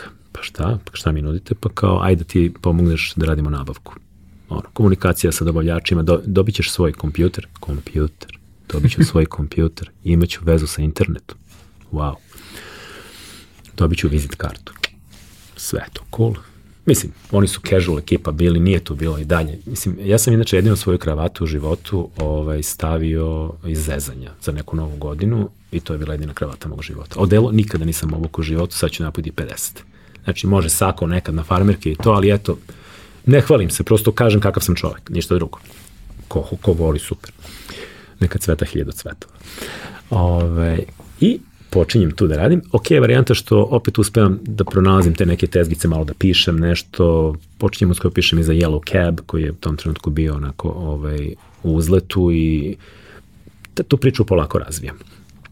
A što se ovoga tiče, tu radim još godinu dana i nakon toga opet kroz poslovne kontakte upoznajem čoveka koji je vodio video sektoru Takvision. Ako se sećaš, Takvision da. je bio najozbiljnija filmska distributorska kuća kod nas. Oni su tad imali ugovore sa Warnerom, što uključuje New Line Cinema, a to je bitno zbog ovaj, Lord of the Rings. Uh, mislim da su imali Fox uh, i radili su jako dobro. I ponude mi da pređem kod njih kao da radim marketing, pošto sam ja ovde više bavim nabavkom, ali kad treba i marketing, delujem da sam dobro za to, dobro za to, pa kao za video sektor. Iako plata nije, nije neka velika razlika, ali izazov, filmska kompanija, filmovi, mislim, ok, ovde se radi o muziku, o nabavku i to je super, a sad je ovo neki novi nivo. Oni su ono, imali takvud bioskop tada i sve. Znao sam za neke likove koji rade tamo, koji su velike face. I ja kao, ajde pređem. I sad pazi, iz jedne firme koja je bila ustrojena jako, što smo se zezali posle taj IPS, je stvarno bio Google pre Google. U smislu da je imao taj neki moment, radilo se sa lepim stvarima, ali vrlo negde opušteno, od, uvijek dolazi sve od osko. A pošto su vlasnici bili dosta cool, to su bili ljudi koje ja srećem na koncertima u Domu omladine. E, sretnim ih na Adi, voze bicikl. Mislim, odmah shvatiš normalni da, ljudi. normalni ljudi, vrlo normalni ljudi. Desilo se svašta posle i ok, ali ja ružnu reč za njih nemam u smislu odnosa prema zaposlenima. Dok, vjerojatno kada je krenuo posle raspada, to je druga priča bila, ali ja ih pamtim dobro. Ja prelazim u ovu firmu koja je drugačija. Tu u stvari upoznajem kapitalizam, ali pravi. Dakle, vrlo surov, vrlo ono profit oriented, ali u nekom, nekom smislu mm, da je samo to, to je okej, okay, prosto neki način upravljanja koji se meni nije dopadao i, i koji se dosta zasnivao na pritisku, na, na nekim lošim odnosima, što je šteta, zato što je to bio izuzetno kvalitetan kadar. Tu ostajem godinu i po dana. To je bio onako jedan dosta heavy period u mom životu i svašta nešto tu nije, nije bilo dobro i privatni život i ovo I, ali bila dobra škola. Znači, vraćam se na ovu 93. koja je bila isto dobra škola. E, ovo je 2002. 2003. kad ti u stvari skapiraš, ok, možda se ja malo zeznuo, što sam otišao iz one firme, ali aj sad da vidimo šta ćemo. Odredim ja tu godinu i po dana i sad, znaš, kad premotam film isto, bilo je teško iskustvo i bilo je ono slučajeva kad ješ na posao, a imaš onaj čvor u stomaku, a kao, ajde, živiš od toga, nemaš ti sad tu mnogo izbora. Međutim, na kraju benefit tog posla je bio, ok, naučio sam svašta, stekao sam zanimljive kontakte i ozbiljan socijalni kapital.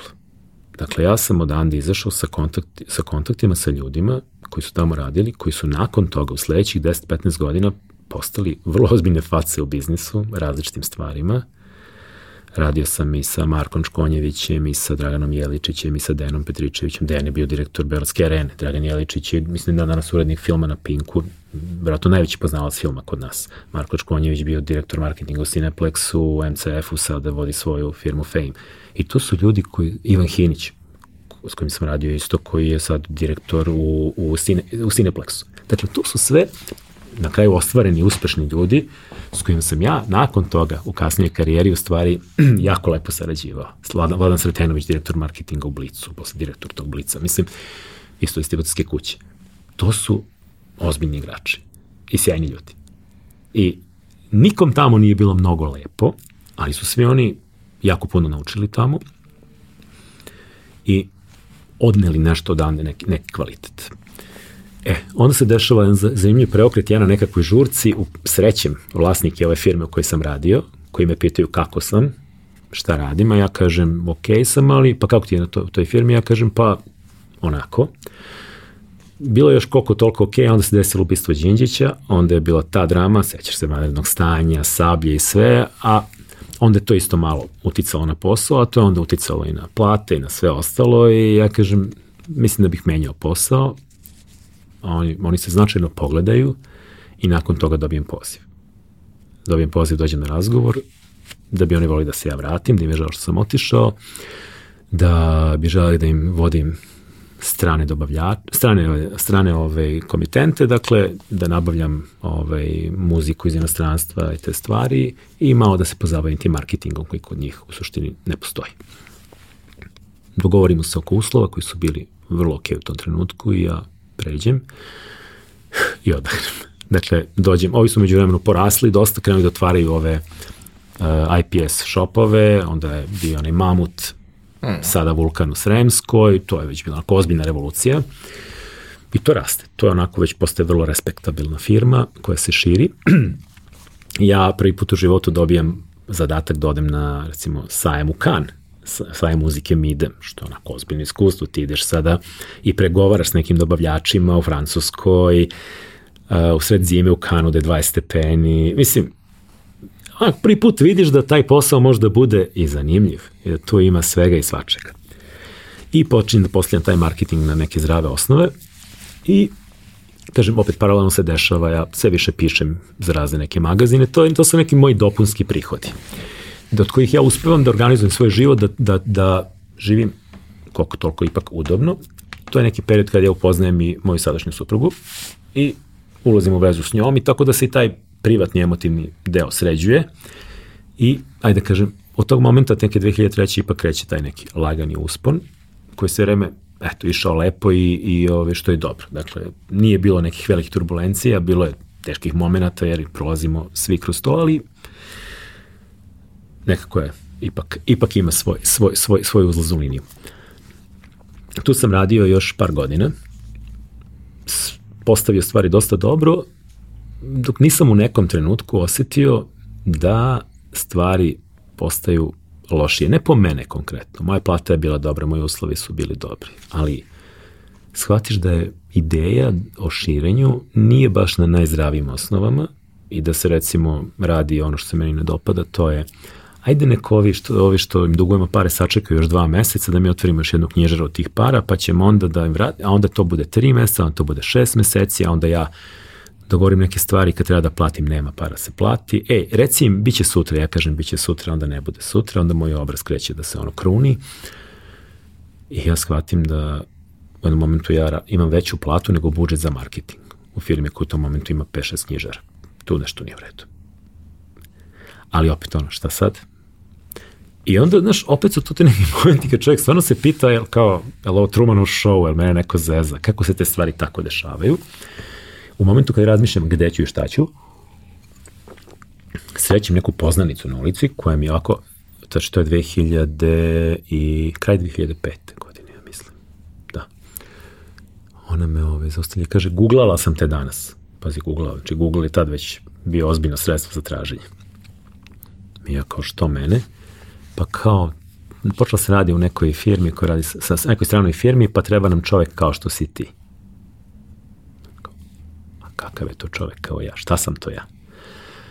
Ajde kao, daj mi broj telefona, zvaćemo te. Misteriozno, ok. Znači, to se dešava neki novembar, decembar. Zovu mene. Ispostavi se da je to firma koja je lansirala onu priču knjiga na kioscima. Sećaš se ime ruže, Kako ne? 300.000 uzvečenje novosti i slično. To je bila firma, španska firma Mediasat sa sedištem u Madridu licencu da radi za njih, otvori firma ovde, uzela je ovaj, Maja Teljević, žena koja je radila u vijestima kao direktorka marketinga i odradila taj posao sa špancima i onda rekla, mogu ja da vam vodim ovaj deo Evrope, žena je izuzetno vredna i sposobna i pametna i uzela to da radi, a onda je shvatila da bi je dobro došao neko koji, neka vrsta urednika, to jest čoveka koji dobro da se pozna. baviti. Da, se bavi time u smislu, e, da pravi te kolekcije, da zna koju muziku, koje, koje filmove, koje knjige, kolekcije da sklapamo i da nudimo. Pazi, radila se cela bivša Jugoslavija plus Bugarska i Rumunija. Što je ozbiljan zahvat. Ja odem na razgovor s njom, to dobro prođe. Nakon toga prvi put u životu uradim razgovor preko Skype-a. Što je meni onako bio ozbiljan šok sa špancima u Madridu. Da oni vide kakav sam ja. Prođe sve dobro i ja dobijem info da me primaju za bolju platu, za obuku od 8 dana u Madridu i e, garantovano ozbiljna putovanja. Znači, ceo region plus povremeno odlasti u Španiju. Kako bih ti rekao, zvuči dobro. Posebno u situaciji gde se ti se već nakupio neke gorčine nezadovoljstva i toga da se u stvari tvoje ono što govoriš ne sluša i da skrećeš pažnju da neke stvari nisu dobre, ali to, ok, svako ima pravo da vodi svoj posao kako želi, naravno. Ja tu ovaj, saopštim da odlazim, to bude primljeno onako malo, malo ljudi neke stvari vole lično da shvate, pa kao, znaš, izdao si, zabio si nož u leđe što odlaziš i tako, mislim, okej, okay, odlazim, mislim, pa treba da se pozdravimo ko ljudi, idemo dalje i da ako postoji neka šansa u budućnosti, sarađujemo. Bar ja takav neki stav imam prema ljudima koji sad rade ovaj, u firmi ovaj, sa mnom. Ako nađu nešto bolje, drago mi je. Žao mi je što idu, ali hej, svako od nas ide na bolje. I pređemo ovde i bukvalno posle nekoliko dana odlazim u Madrid, stvarno na 7-8 dana obuke, sve plaćeno, dnevnice, ručkovi, rad ceo dan naravno u toj firmi. Firma se nalazi inače u Torre Picasso na 35. spratu, pored Santiago Bernabeu stadiona i tako. Sve to onako, wow, kao baš, ba, baš te pukne u glavu. Skapiraš vrlo brzo, malo si fasciniran, malo imaš onu frku, malo si ti neki mali iz, iz Beograda i Srbije, međutim vrlo brzo skapiraš da ti dosta znaš. I da nisi ti baš tako bez veze, a skapiraju i oni što je dobro. I da u stvari, znaš, kad krenemo bilo čemu da pričamo, ja stvarno znam to. I krenemo da radimo i radio sam tamo neke dve i po godine. U nekom trenutku smo promenili partnera u Španiji, pa smo uzeli nekog iz Barcelone, što je bilo super, jer smo onda išli u Barcelonu malo. Znaš, dosta ovog Madrida. Ja sam za tih dve i po godine stvarno, bila situacija kada ne znaš gde si se probudio, jer kao bio si u Ljubljani, Zagrebu, Bukureštu i Sofiji 15 dana, ili si išao, išao si do, do Sofije, dakle si letao za Bukureštu, nema direktnog leta iz Beograda, pa si spojio dva klijenta, pa se budim u Bukureštu i nisam siguran gde sam.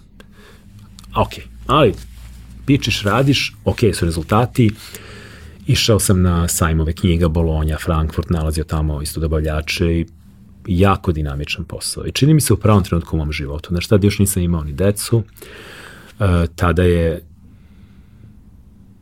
kako kažem, 2007. smo se venčali supruga, dakle, to je onako period kad ti u suštini možeš to da voziš i možeš da radiš. Dobro, to je 30, 35 godina, to je u suštini trenutak kada si ti taman dovoljno sazreo i taman dovoljno prošao da možeš yes. te neke najodgovornije stvari da preuzmeš i da ti ne bude frka. Apsolutno. I, I učiš u hodu. Isto, sve učiš u hodu. Dovoljno mlad. Tako je. Dovoljno mlad, dovoljno iskusan. I umeš da ceniš to što ti je dobro. I što ti je plata bolja i što imaš te dnevnice i sve ostalo. Shvatiš da to baš nema svuda. Znaš, i radiš. I to je trajalo do 2000 Da, 2007. E, i onda se dešava zanimljiva stvar. To je isto tih uh, prelomnih tačaka u životu. Kako sam to dosta često išao u Sloveniju, uglavnom automobilom, sad kad uđeš u Sloveniju, uglavnom što radiš, shvatiš na onu stanicu, tamo prvu petrolovu, pa vinjeta, pa benzin, uh, u marševu pojedeš nešto ako si gladan, I u nekom trenutku ovaj, ja shvatim, tu stoje neki stalci sa magazinima. I kao, okej, okay, City magazin, šta je ovo? Slovenački neki magazin. Pazi, u tom trenutku već pišem za neke novine razne. Yellow Cab bio besplatan, pa je počeo da se prodaje, pa ovo, pa ono. Ja dosta dugo pišem, dosta dugo znam te magazine, ovo je besplatno, uzimam, vrlo je zanimljivo. Kao taj novinski papir, dobra štampa, sadržaj pravi urbani vodič, time out fazon ili već kako. Ok, ovo izgleda. Tiraž 60.000 u Sloveniji, bok te masa. Zato, boko razumeš slovenački čitaš, ali to je onako, kolažnog tipa, do se bavi kulturom, zabavom, modom, ono što, što pokupi što ti treba. I mene to krene da kopka. E, čitam onaj impresum i shvatim da se štampa u Belgiji. Zašto bi Slovenac štampao novine u Belgiji? Mislim, ja znam, sam sarađujem sa tom trenutku sa slovenačkim štamparima i znam da postoje odlične štampari u Sloveniji. vidim koji štampa, opet malo kompjuter, internet, shvatim da tu postoji nekakva belgijska kuća Rularta, koja je u stvari vlasnik licenca taj City magazin. Ok, znači ovo je licencno izdanje. Zašto ovo nema u Srbiji? Ovo je, ako je, prolazi u Sloveniji, koja je tako mala, zamisli u Beogradu, u Srbiji, mislim, to bi razvaljivalo. Pazi, to je znači 2007. godina. Kraj 2007. I ja ne budem lenj i iskontaktiram te kontakte u Sloveniji koji su bili unutra. Meni odgovori ta neka tadašnja ovaj, direktorka slovenskog izdanja Petra i kaže jeste, mi smo licencno izdanje, evo kontakt čoveka, Igdeval, on je u Belgiji, on je nama nadređeni. Ja napišem mail čoveku. I pitan ga, kažem, video sam to super izgleda, imam iskustva, mislim da bi to moglo u Srbiji da radi, da li su oni zainteresovani za Srbiju? Čovjek mi odgovori vrlo brzo. I kaže, hvala na kontaktu, interesantno jeste, imamo sad još neke planove, ali javit ću vam se. Ok. Januar, februar 2008. Opet se javi, kaže, e, radimo na hrvatskom izdanju, ali kao interesantna nam je priča oko Srbije, javit vam se. Ok, ja sad ovo svoje redovno radim. Se dešava ona, ona katastrofa početkom 2008. napadi na ambasade, ako se sećaš, ono, oni mitinzi, Kosovo, Srbija, koštu, košt, posao za patike i ostalo krenu da pale one ambasade, ja gledam na televiziji, rekao, krenu na belgijsku, ja idem da branim, rekao, pa ako me vide ovi, razumeš, ako me se sete za dan bezbednosti, ali to nekako proći. I čovjek se javi, kaže, biste vi mogli doći u Sloveniju da se mi upoznamo? Naravno. ja uzmem, znaš, pripremim, ja radim je domaći zadatak, spremim neku analizu tržišta, znam, pozovem neke ljude koje znam, vidim malo udeo izdavača, vidim neki obrt, ko su glavni igrači i odem se ovako fast ciklom sa, sa, sa, nekim, sa nekom ozbiljnom prezentacijom. Nađemo se mi u tom nekom hotelu, stari gospodin, onako uglađen, vrlo fin, ljubazan, četiri sata smo sedeli. Sve mi ispitao i kaže, ovaj, hvala vam, ja sam impresioniran, javit ću vam se. Toliko. Prespavam, vratim se u Beograd, nastavim ja sad, ok, sledeći poziv, ja bih došao u Beograd. Tad i tad. Nema problema, sačekat ću vas ja na aerodromu. Kaže, odsao sam u nekom hotelu, izgleda da nije u centru. A on spostavi se, čovjek dolazi, što je ispalo dobro, ali nema mesta u hotelima zbog toga kada je bila pesma Eurovizije u Beogradu. Znači, našao je neki čudan hotel na Ceraku, jer je to bilo i jedino slobodno. I ja ga vozim na Cerak, ok, a samo smo se smestili, onda smo otišli do Beograda i ja sam njemu pokazao Beograd uzduži i popreko. E, u tom momentu, znaš kako izgleda Beograd 2008. za pesmu Eurovizije? Nakićen, zastave, baloni, ispeglan, očistili sve. Znaš kako mi umemo kad treba. Redko, ali impresivno. Ko ono priča ono za olimpijadu u Sarajevu, kako su utegli Sarajevo samo tad, tih dve nedelje. Elem, on čovek šokiran. Pa ja nisam znao da je Beograd ovakva metropola, neko nisam ni ja. Pa vi ste već od Zagreba, pa rekao skoro duplo. Sad ja malo kitim, razumeš, ono, u tom momentu se nešto Mercator, to je Delta City, ja mislim da je tek bio otvoren, evo ima moj tržni centar, znaš. I on kao stvarno, ljudi kao kako su mladi, lepo obučeni, pa rekao, mislim se, zadnje pare ćemo dati na garderobu, ono, leba nećemo da jedemo. Ali vidim ja njemu zasijaju oči. Kaže, ovo je super, kao, javit ću ti se i zove me i kaže, ej, kaže, radimo launch hrvatskog izdanja u Zagrebu, ajde doći, da upoznaš vlasnika firme. Sad tu već frka, znaš, kao, šta sad, ništa, sedim ja u kola, bukvalno, to je bilo dođi u sedam, u, u, u Esplanadu, naravno, gde drugde, ja završim po sedam u kola i u Zagreb. Dolazim, parkiram se, ulazim unutra, vidim ih, sad tu ekipa iz Hrvatske, ekipa iz Slovenije, ovi belgijanci došli na launch, uveče launch, žurka neka i sve to. I vlasnik firme, Rick Denolf, jedan ozbiljan gospodin, isto. To je vrlo interesantno. Ti ljudi što su moćni i bogati, to su prizemni i fini. Dakle, nema nikakvog bahaćenja. Znači, on je čovek koji ono, meni pružio ruku, naklonio se, predstavio se, rekao ko je, šta je i zamolio me za 15 minuta mog vremena jer me kolega preporučio. Ja sam 15 minuta pričao s njim, ali mi je postavio desetak pitanja, to je bilo to, hvala vam puno. Hajmo sada idemo na, da lansiramo zagrebačko izdanje. prođe sve to ja, znači žurka, tada ta kolima, tri noću ja za Beograd. Nakon toga on kaže, vidi, dopao si se vlasniku, ajde mi da pravimo biznis plan. Pa rekao, kako? Nisam baš radio takve biznis. Znam ja da napravim neke planove i sve, ali ovo je vrlo ozbiljno. I on mi ovaj pošalje, ono, Excel napravljen, e sad ti ga popuni. Alo Bing kako vrat. Dakle, drugara ovog mog pecu. Jeli, kako se računaju plate? Koliko beše ide ovaj doprinos na platu? Množi sa 1,67. Ok, ubacuju 1,67. Ajmo dalje, ajmo dalje. Ok, Excel sam samo držao malom prstu, to je bilo super, ali gomilu informacija ti nemaš. E, onda zoveš ljude koje znaš i onda ti ljudi te informacije od cene štamp. Dobro, štampu smo mi radili prvo u Belgiji, ali toga kolike su plate, koliko ljudi očekuju, kako se računa, koliko su troškovi. Imao sam dobro iskustvo iz ove firme koje sam u tom trenutku radio, ovaj, jer sam prosto, to je mala firma bila, ja sam negde po ugledu na tu firmu i svoju napravio, jer na kraju gledaš ono što si naučio. I uh, uspeo da napravim taj biznis plan koji je bio onako, pa, u tom trenutku delovo realno. Niko nije znao da stiže 2009. To se dešava sve znači u junu 2008. Jun, jul. Napravimo mi, i to kako kažem, tako oni prave te biznis planove, kažu, ajmo mi da probamo za 3-4 godine da budemo na nuli. Ako peta godina bude neki profit, to je super. Što je okej. Okay. Napravimo oni, stvarno, pazi, dakle, prva kalkulacija je bila 80.000 minusa prve godine, sledeće godine probamo da gađamo blizu nule, treće godine pravimo, napravimo nešto, pa četvrte da navučemo da ukupno sve bude na nuli, pa ok, ja verujem da to može. Napravimo mi projekciju, i on mi samo jednog dana javlja, imamo zeleno svetlo. Da li možeš prvi broj da izbaciš u oktobru? Znači jul mesec. Ja kažem, kao i uvek, naravno da mogu. Pazi, sam sam. Ne postoji niko.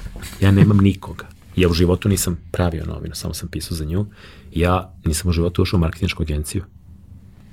Ja maglovito znam ko je tu igrač i ostalo, ali imam jako veliku volju i želju i ovi ljudi mi otvaraju firmu. Oni, znači, Deloitte dolazi, lokalni Deloitte mi otvara firmu, jer Deloitte otvara u svakoj zemlji firmu za njih i polažu ozbiljan kapital i daju mi ovlašćenje. Sad, to je onako moment kad se ti malo zapitaš jel se ovo dešava i kad pričam s ljudima, oni mi gledaju belo i trepću i kao koliko su para stavili, toliko. I ti imaš potpis. Da. Pa kako? Pa rekao, ne znam. Posle toga ja pitam, prošlo više godina, kad sam ja pitao ovog mog nadređenog ovog Iga, ili Hjuga, kako smo ga zvali, kako ste se vi bre odvažali da meni nekom levaku sa Balkana date tolke pare da me puste da radim? A on kaže, pa tako stvari funkcionišu u svetu. Dakle, nađeš, prvo nađeš čoveka. A onda ako je čovek dobar, onda mu daš kapital i know-how i pustiš ga da radi. I pomažeš mu. I na kraju uzimaš kajmak. Aha, okej. Okay. Mislim, ja sebi ne bi dao tolke pare. Okay. U svakom slučaju, ja onda imam tako nekad u životu stvarno više sreće nego pameti, ali uspem da skockam super ekipu ljudi u roku od mesec dana. Dobra prijateljica, udata za mog super prijatelja, je bilo uređivala kafe bar. Kad sam mi došao objasnio koncept, rekla ja prelazim odmah. Ovo je genijalno. Besplatni, ono, kulturni magazin, lifestyle, koji se deli u ogromnom tiražu u Beogradu, a posle i u drugim gradovima, po ovo je ono, ne mogu više da pišem za ono hiljadu čitalaca. Dobar drugar iz IPS-a koji je bio tamo praktično vodio malo prodaju, pa među vremenu malo lutao, hoće da mi vodi distribuciju. Odlično a, direktorka firme koju sam upravo napustio, koja mi je izgrala izljubila i pokazala kako normalni ljudi reaguju kada odlaziš iz njihove firme na nešto bolje, mi je preporučila osobu koja će mi raditi sales oglasnog prostora. Drugu smo našli ovako i još tu par ljudi mi skockamo ekipu. Mi smo krenuli u akciju prodaje oglasnog prostora za prvi broj nismo još imali kancelariju. Ali smo imali prezentaciju, oštampanu vizit karte, mobilne telefone, kompjutere i krenuli u akciju. Ja umeđu odem u Belgiju, tad shvatiš kolika je to firma. Znaš, oni su bukvalno uradili ovako ogromnu zgradurinu u tom nekom Roselar malom, malom gradu, dakle u stvari rodom ta porodica vlasnika, ogromna zgrada sa 400-500 ljudi. S druge strane, ogromna zgrada koja je štamparija, a između ono Kvasteriksovo selo je rodna kuća koja je sačuvana i ostavljena. E, tu on prima gosti, tu se ručava i to je lepo. Znači, to, to, to je genijalno. I tu poznaš i tamošnju ekipu i svi su užasno srdačni. Nema nikakvog ono, ni podcenjivanja, ni kao ti sad neki treći svet. Ne, ti si kolega, tebi žele sreću, šta ako nešto treba zovi, dobiješ ti gomilo nekih primjera kako se šta radi kreneš da radiš. Ali dosta su bili fleksibilni, dosta su bili u fazonu, vidi, ti znaš specifičnost, specifičnost tržišta, ok, vozi. Gleda, imaš neki ono, okvir, ali, ali radi u njemu. I, ovaj, I mi krenemo da radimo i to je ono bukvalno ti poslednji trza i pre krize. Mi napunimo broj i ovaj, napravimo neki prihod 20 i nešto hiljada evra u tom prvom broju. Znači na, na, na ono bukvalno na ime, na, na, na ne znam, na budalo što bi rekli naši ljudi. Ulazili smo u firme, pre, držali prezentacije, ja sam održao u, u, u recimo, dešavalo mi se da imam tri prezentacije dnevno kod različitih klijenata i agencija. Ko kirbi da vališ? A? Ko kirbi da vališ? E, bukvalno gure nogu u vrata i ne mogu da zatvore. Ali onda u, učiš u hodu. Počne da osluškuješ, vidiš koja priča im prija i isto, kažem, razvijaš taj social skills. I kad smo, i da, zadesilo se da je bio taj neki veliki meeting, bar ovaj sastanak u Belgiji gde su došle sve redakcije, baš kad je bio štampanje našeg broja. I ovako, bukvalno mi dolazimo i čeka nas oštampa naš broj koji treba da sedne na kamion i da ode u Srbiju. I mi uzimamo onaj časopis, listamo ga on lep, pa oglasi, pa Nike na dve strane, pa VIP cela strana, pa ovaj, pa Mercedes, pa Lexus, pa oni svi fascinirani. I kaže meni ovaj Hugh Ig, kaže, svaka čast, nisam verovao da ćeš uspeti. A ja ga gledam i kažem, a čekaj, postojala je opcija da ne uspem. Pa naravno, ljudi kao ne uspeju da napune, pa pomerimo mesec, dva. Hrvati, Ma oni su tri meseca pomerali dok nisu skupili dovoljno oglasa. ja, znaš ono, i a, kao ovako. Dobro je da nisi znao. Dobro je da nisam znao, jer bi se opustio, naravno. E, ovaj, i umro sam od smeha, ali uspelo je sve dobro. I mi smo izgurali ta prva tri broja, oktobar, novembar, decembar, pokidali. Decembar je bio tipa 30.000 evra prihoda od oglasa na 64 strane. To je sipalo, to je ispadalo. Znaš. I ti u tom momentu kažeš, ah, uspeo sam. To je to, sad samo može da ono, kidamo. Plata mi je dobra, uslovi su mi super, službeni auto, sve, sve, sve. I dođe 2009. I, ako klik, neko je ugasio svetlo. Januarski broj, prihod, znači ovo ima 30.000, 6.000. Ne možemo štampu da platimo. Od jedan put, katastrofa, februar, isto neka užasna beda, mene kreće hvata frka. Svi ti govore, nema budžeta, nema oglašavanja, ne zna se ništa. Dakle, malo se zaboravilo, ali to je bio užasan udarac na tržište tada. Nešto se marketinga tiče, bukvalno je sve stalo. Sve je stalo. I... Čekaj da vidimo šta ćemo. Ono, first things first. Jebate. I mi, znaš šta ti imaš tu 6-7 ljudi na plati, troškove, ti su nek, znaš, neke dobre plate si ljudima dao u tom trenutku. Znači, shvatiš da nemaš love za funkcionisanje. Ja zovem ovoga i kažem ima problem. Kaže, nema problema, uplatit ćemo vam pare. Ako može to? Pa naravno, pa kako ćete? Moraš platiš, platiš ljude. Jako, aha, ok. Ok, uradim ja sad tu neke stvari, malo isečem neke troškove, dogovorim se ekipom da ćemo da malo smanjimo plate, jer nije realno. I ljudi zaista su, znaš, vide. Vide da ne pravimo pare, a da ih trošimo. Svi odreaguju ok, Rekao, moramo da čuvamo čoveče radna mesta. I stvarno, znaš, nije to bilo problema. I što je bilo jako zabavno videti da mi recimo reagujemo tako i ovaj dođe i kaže mi, znaš, imam problem malo i u Hrvatskoj ne kapiraju. Oni ne kapiraju. Oni cepaju troškove, oni, kao ja sam rekao da si ti sebi skinuo platu, oni su me gledali belo. Kao stvarno. Pa ja kažem, dobro, ali ta Hrvatska se ugasila vrlo brzo. Tako, šalješ neku poruku, nećeš ti njima uštediti neki novac, ali si poslao poruku da, da nisi u fazonu da te boli uvo, nego da ti je stalo, da ćeš i ti iz svog džepa pokriti deo tog manjika. 2009. je bila prilično zeznuta, ali smo uz njihovu podršku ovaj, preživjeli. Sećam se kada je 2009. opet taj godišnji miting. Sad koliko je 2008. bio ono, kidamo, 2009. je bila onako malo grobnjanska atmosfera. Svi su pravili minuse. Dakle, i oni imaju u Parizu, časopisi iz, ono, po Evropi, svuda je bila katastrofa. Tako da se skapirao da smo mi u stvari mali gubitaš tu. I ja dolazim tamo i sad očekujem ako sad kad nam kaže, e, ajde ljudi, da popijemo, pojedemo pa da se razilazimo, ovo leba nema. Izlazi ovaj vlasnik firme i kaže, ja sam došao danas da vam čestitam. Kreće ono, znaš ono, gledamo se, ovo neka skrivena kamera, Kaže, mator je odlepio. gotovo, popio je viski više i ćao. A on stoji sa ovako čašom šampanjca uglađen, znaš ono, ono dvoredno delo i sve, ono naočari sa zlatnim okvirom. Kaže, došao sam da čestitam i da vam se zahvalim. Na čemu?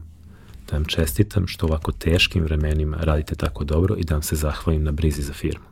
I da vam kažem da je firma uz vas i za vas i da će ovo vreme proći. Znači, ono, dođeš da mu poljubiš ruku. Bude tu još par finanskih injekcija s njihove strane u tom trenutku. Do, I onda negde sredinom 2010. kreće da ono, popušta pritisak i kreće da se radi. E, te 2010. godine, kad sam već došao do nje, ovaj, sam takođe ovaj, drugi rukavac ove moje priče pokrenuo, a to je izdavačka kuća Buka.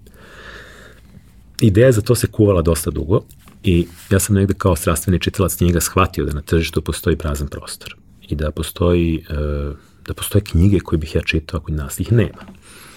Savremeni autori, savremena tematika, drugo, jako me sekiralo kako knjige kod nas izgledaju, kako su ružne, kako su neatraktivne, kad odem napolje ja kupujem knjige koje izgledaju fenomenalno, koje su izdizajnirane fantastično, igraju se ljudi fontovima, bojama, materijalima, ovde kod nas sve onako generički cepaj samo. Ok, ima svetlih tačaka i ja sam se njenih, na njih i ugledao, jako sam volao kako radi geopoetika, lom, bilo je tu nekoliko stvarno dobrih izdavačkih kuća, ok, ovi veliki su veliki, dakle, Laguna, Vulkan, to je sve u redu, to je prosto industrija, Ali gledam ove manje, sam izdat BD2 je lepo radio u tom trenutku, ok, oni su bili deo velike priče, pa im je bilo lakše, ali svejedno, dobar je bio izbor, lepo su knjige izgledale. Ja, imali su Imali su. Johnny i Netsu da Jest, to bude jest. na jednom nestvarno dobrom nivou u To, tom e, ali to, to gledaš kao neki uzor. I ja shvatim da postoji prostor, definitivno. Sad, koliko ja znam u tom poslu, pa ne znam mnogo. Ali opet znam ko zna, mogu da pitam, mogu da se posavetujem. I ovaj, ovo je sa Sitijem se ustalilo. Neki novac sam uspeo da uštedim, jer već, tako, već tom trenutku dosta dugo ja ok zarađujem. Nije sad to neko ludilo, ali ja, ja sam od ove 93. naučio da štedim. 10 evra, 10 evra, 500 evra, 500 evra, nije bitno. Koliko se ima, toliko se uštedi. I kažem, i onda se dogovorim i suprugom da kao pokrenemo to i ajde kao da izaberemo neke prve naslove i opet ti neki trenuci kad kažeš ok, ja nisam sueveran, ali neke stvari se jako lepo nameštaju u životu. Ja sam izabrao par knjiga Frederika Becbedea, francuskog autora koji je ovde bio dosta popularan, međutim, izdaška kuća Plato je radila kako je radila i izgubila je prava na njega. I on je bio slobodan. A to niko nije kapirao od ovih drugih izdavača. I ja uputim pismo agentima i dobijem pravo na dve knjige. I kažem, ajmo prvo ove dve. I one krenu da se prevode, već kako to ide, pa ćemo mi to lagano lekturu, korekturu, ne žurimo nigde, polako, registrovao sam firmu, tra, našli smo dizajnera, Ivan Benusi koji nam je radio prvih 30-40 knjiga i stvarno postavio celu priču kako treba. I ovaj, ja saznam da Cepter dovodi Federika Bekbedea u Beograd, jer je on u stvari bio član nekog žirija, neke Cepterove književne nagrade koje oni dodeljuju u Francuskoj. Dolaze on i Patrick Besson. I ja kažem, pa ovo mora se iskoristi. Ubrzamo mi sve to i uspemo da izdamo te dve knjige da izađu dan pre njegovog dolaska ovi iz Ceptera budu vrlo ljubazni, kažu nema problema, dođite, pridružite nam se, rekao mogu da ga pozajmim za potpisivanje, ma naravno, hoće on, sve super, mi u Delfiju napravimo kod SKC-a, napravimo prvo potpisivanje, izašlo, znači mi smo se pojavili kao izdavač. Vruće. Ali sad ti, ti ne postojiš i ti se pojavljuješ kao izdavač francuske književne zvezde koje se pojavljuju, za koje si ga ti doveo. I ja dolazim sa Bekbedeom u SKC. I ovako gledam ovako 50 ljudi stoji u redu već. Ovako, red se spušta iz Resavskog. On kaže, svoji zbog mene? Ja kažem da. A, kao kakav si marketing uradio, mislim se, jao kad bi znao sedne on čovjek dva sata je potpisivao 150 ljudi, slike, fotke, pres bude fenomenalan, sve bude sjajno, on oduševljen kako knjige izgledaju, što sam bio jako ponosan, zato što je od početka naša ideja bila u stvari da te knjige moraju biti objekat, on, objekat želje.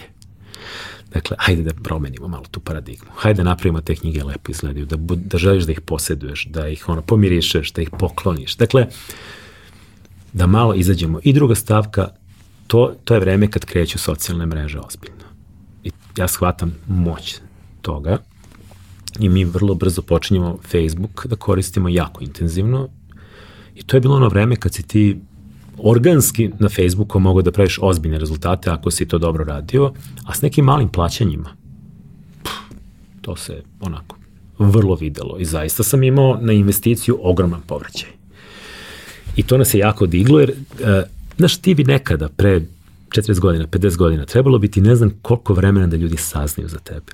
Mi smo sada za dva meseca postali priča. Znalo se da postoji neka buka, da je objavila par nekih dobrih knjiga koje dobro izgledaju i nekako su cool. Kao, to je super. I tako da to kreće polako. Nemam ja neka velika očekivanja. Moja ideja je bila, hajde da mi probamo, ulagat ćemo ovo, pa nakon dve, tri godine ćemo da vidimo kako će da krene. Krenulo je dobro. Krenulo je fenomenalno. Naravno da pomisliš, pa mi razbijemo. E onda shvatiš da pobiješ neku knjigu koju nikog ne zanima. Iako je tebi super i ti misliš da je sjajna i super izgleda, ali ne prodaje se baš nešto. Šta ćemo sad? Ajmo sledeću. Pa ni ova nije prošla nešto dobro. E, ova prošla sledeće dobro. Znači, znaš da ništa ne znaš.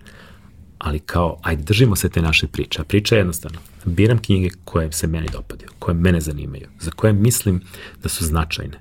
Biram dela za koje mislim da će možda jednog dana biti klasici. Sad su samo savremena moderna književnost, ali svaka klasika je nekada bila savremena, kvalitetna književnost, koja je na kraju krajeva bila malo i ono edgy, pomerala je granice. Znaš, i Dostojevski, Kafka su bili ono, ludaci svog vremena, a sad ih čitamo kao klasiku. I to polako kreće se razvije, to je 5, 6, 7 knjiga godišnje, nije to mnogo, to nam uzima malo vremena za ove naše poslove i lepo je.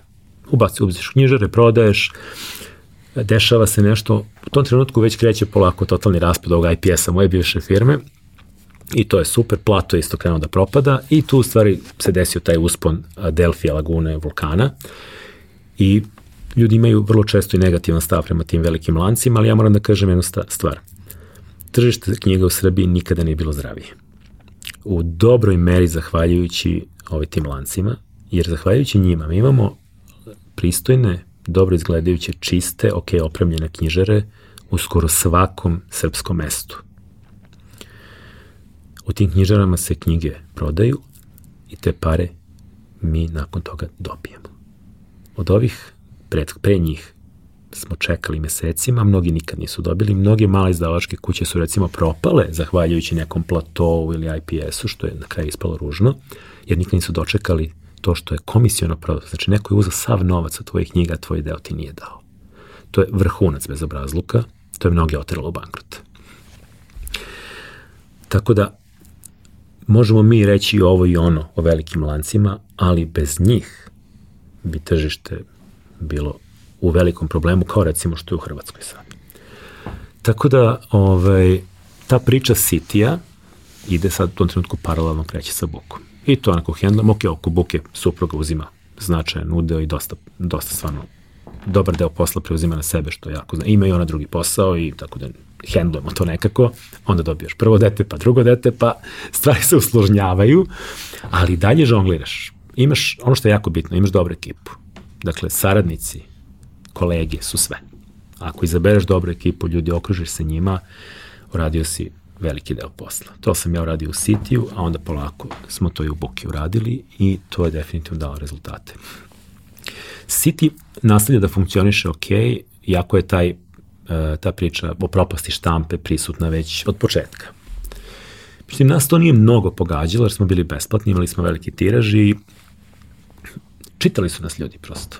I uspevali smo da ubedimo oglašivače da idu kod nas, a onda smo u nekom trenutku shvatili da nam web kaska, da je web zaista, da je zaista sramota da nam web bude ono samo, ajde okačimo ovo iz novine na web. I shvatili smo da je web nešto u stvari potpuno zasebno.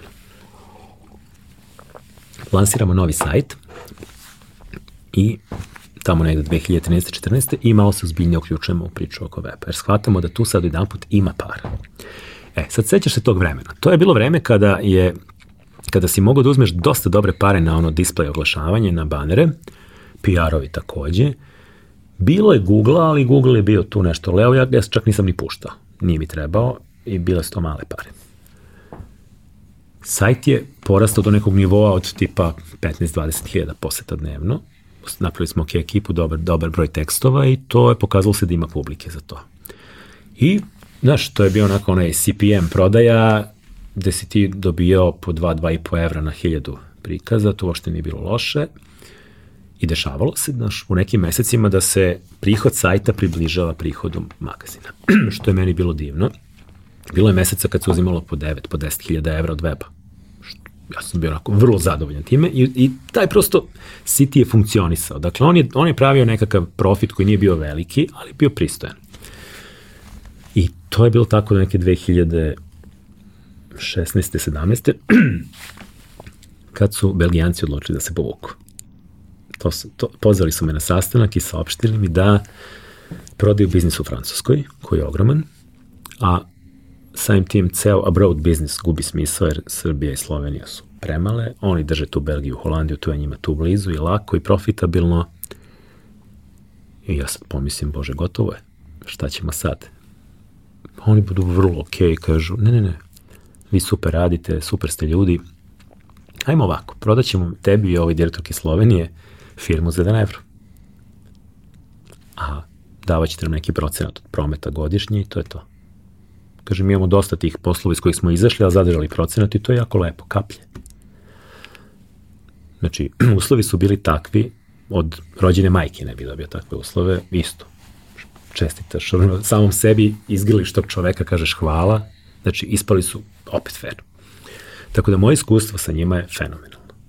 I ljudski i poslovno, ja sam, ja mogu samo najbolje da govorim o njima, i poštovanje i znanje i, i sredstva koje smo dobijali, sve je bilo fenomenalno.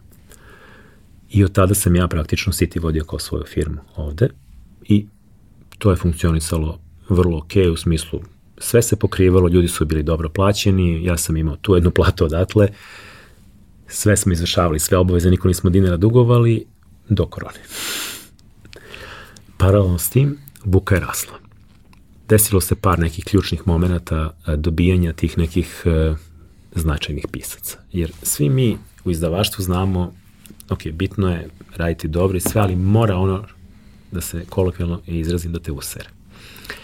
To se nama desilo prvo kad smo dobili Michela Welbecka, opet zahvaljujući plato koji nije dobro radio ili lagao oko izveštaja ili šta god prodaje i to je bio veliki boost. Šta da kažem, kad se, mislim, kaže, nekom smrkne, nekom svane, desi se čuveni Charlie Hebdo. Naslovnici Charlie Hebdo, kad se desio masakr je bio Welbeck. Welbeck je pisao tada onu knjigu Pokoravanje o tome Islam preuzima Francusku. Francuska, Italija pa Srbija objavljuju tu knjigu prvi. Znači ja mesec dana posle toga imam knjigu i ona kreće. Znači mi smo vest. Ta knjiga je posle dobila nagradu kao najčitanija u biblioteci grada Beograda. Dakle, eto. Drugi je bio Karl Uvek Nausgor sa mojom borbom. Šestodelna autobiografija čoveka koji je svuda bestseller. Niko neće da ga uzme ovde, ko će to da čita? A ja kažem, vidi, ovo je genijalno. Jako ga čitaju svuda, pa čitaće ga u Srbiji. Nismo mi baš toke budale. I čitaju ga. I najveći moment, kad sam provalio da postoji neka tamo italijanka Elena Ferrante, o kojoj svi pričaju, Tom Guardianu, New York Timesu i slično, i da ne veruješ prava su slobodna. I ja uzmem prava, and the rest is history. Moja genijalna prijateljica i nastavci, to je sad već sve zajedno stotinak hiljada primjeraka i to je, to, nas, to su oni momenti koji ti daju boost, koji te podignu, koji te od tebe od nekog mikro naprave malog pa srednjeg, mi smo sad neki solidan srednji izdavač. Sledeći korak je bio otvaranje knjižare.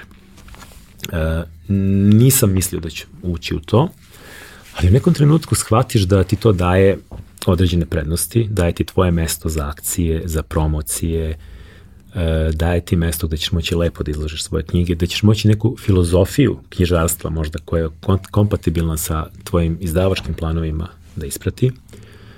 I opet na neki volšeban način dođemo do tog lokala u Cara Lazara i otvorimo prvi Boka Store. Evo već pet godina funkcioniš. Od tad smo otvorili još dva. I te knjižare rade sjajno. ideja je bila da se naprave knjižare koje će imati filozofiju kao izdavačka kuća. Dakle, držimo dobre knjige izdavača koji se knjigama zaista bave i koji objavljuju kvalitet. I ima publike. Dakle, ima publike za kvalitetnu književnost i o kojoj mi objavljujemo i koju objavljuju naše kolege. I ima publike za jedan nenapadni, ne, ne preterano komercijalni pristup. Dakle, knjižare kojima ti kad uđeš niko te ne spopada, nego te ljubazno ponudi pomoć, e, preporuči, pustite da biraš, ne gura u prvi plan naše knjige, već šta god želiš. I mislim da ovaj, mislim da smo sad sa ove tri knjižare u Berodu ne da ispunili tu kvotu. Da li ćemo ići dalje, ne znam. Sad nisu vremena definitivno za, za dalje širenje u tom pravcu. Sačekao bih da vidim gde će ova kriza da nas odvede. Ali kad smo došli do ove korone, to je bio specifičan moment za oba posla. Za City je to bio veliki udarac, jer opet ista priča kao kriza. Nema. Ti ne možeš da, ti ne možeš da podeliš magazin, jer su zatvorili tržne centre i prodavnice gde se on distribuira. Ti onda kažeš, ok, neće možeš napati par brojeva. A web, web je ludilo. Web ima 50.000 poseta dnevno, ali nema nijednu kampanju, jer nema kampanje a ti imaš troškove svakog meseca. I sad u tom momentu je buka već toliko porasla da je ona konačno mogla da vrati City onu uslugu s početka, da ona bude sad pomoć City. Ali kažeš, ok, to neće moći predugo. I tokom te korone Buka isto radila dobro. Iako smo morali da zatvorimo knjižare, e, ja sam posle dva dana shvatio da mora da se nađe alternativa. A onda pomisli, čekaj, šta ljudi rade kad je ova kriza? Pa sede kod kuće. Ne mogu da idu nigde. Znači, gledaju filmove, čitaju. I onda smo napravili ozbiljne kampanje na online-u, ponudili neke povoljnosti, popuste, neke pakete i toliko dobro prodali u martu, aprilu, maju te godine da smo bez problema poplaćali svima plate, sve nikom nije ništa kasnilo, ništa nismo smanjivali, nismo izdali knjigu možda mesec, mesec i po dana, a onda smo nastavili i nastavili da radimo. Tako da je Buka sad bila ta pomoć Citiju, ali sam negde sebi dao rok da do kraja 2020. godine ili moram naći nekoga ko će da pomogne da preuzme ili ću ovaj, to ugasiti. Žao mi je, ali prosto nemam, nemam snage da to izguram dalje i drugo vidiš da se da se desila promena tektonska na tržištu, da, se, da, su, da su ta štampana izdanja dobila novi udarac, da su ljudi izgubili i oni koji su imali naviku da odlaze da ih uzimaju. Znaš, kao neću da im napipam ništa i onda, i onda ti vidiš babu koja, nažalost, ok, možda informer čita, ali na telefonu u autobusu čita Telegraf Informer, šta god, Blitz. I kaže, baba od 70 godina na telefonu čita. Ok, znači to je to. Tu se dešava opet taj moment, znaš, o ti tač koji se desi povremeno u životu, naš zajednički prijatelj Dani, koji je počeo da radi United Media, mi se sretnemo, popričamo, ispostavi se da oni planiraju nešto tako, ja im ponudim City i mi se neverovatno brzo dogovorimo da oni taj City preuzmu. I ja praktično prodam biznis. Ne prodam firmu, prodam biznis koji oni preuzmu, priduže ga danas, pošto su danas kupili u tom trenutku, i ovaj, kao i to su print izdanja, i ovaj, site City magazina dođe pod domen danasa i nastavi da radi. Ja sam svoju misiju, evo, upravo završio u City, ja sam ostao još nekih godinu i nešto dana na, u dogovoru s njima da bih prosto pomogao tranziciju.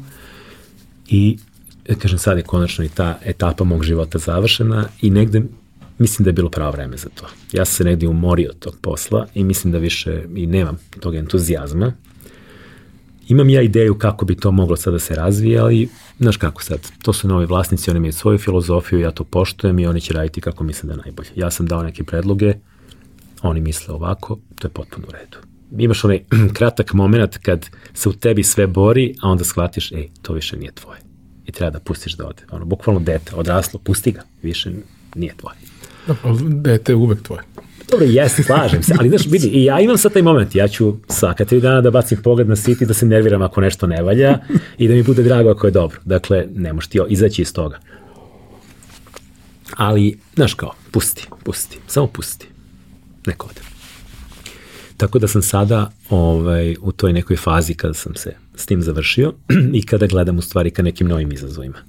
Znaš, buka je postavljena dobro, ona funkcioniše dobro imamo sjajnu ekipu ljudi, negde čini mi se da smo se dobro pozicionirali kao jedan ono, kvalitetan butik izdavač e, i knjižar i neko ko je postavio neke nove standarde. I jako mi je drago kad vidim da se sad pojavljuju nove izdavačke kuće, vrlo kvalitetne, poput Aretea, poput Štrika, poput Radnog stola, i da vidim da smo mi izvršili određeni uticaj i da smo im pokazali da to može da se radi malo drugačije, kao što su i meni, kažem, te razne geopoetike i sami izdati bili uzor nekada, sad sam ja srećen da čujem da smo mi uzor nekome i da smo pokrenuli neku malu revoluciju, evoluciju šta god u tom izdavaštvu i knjižastvu u Srbiji.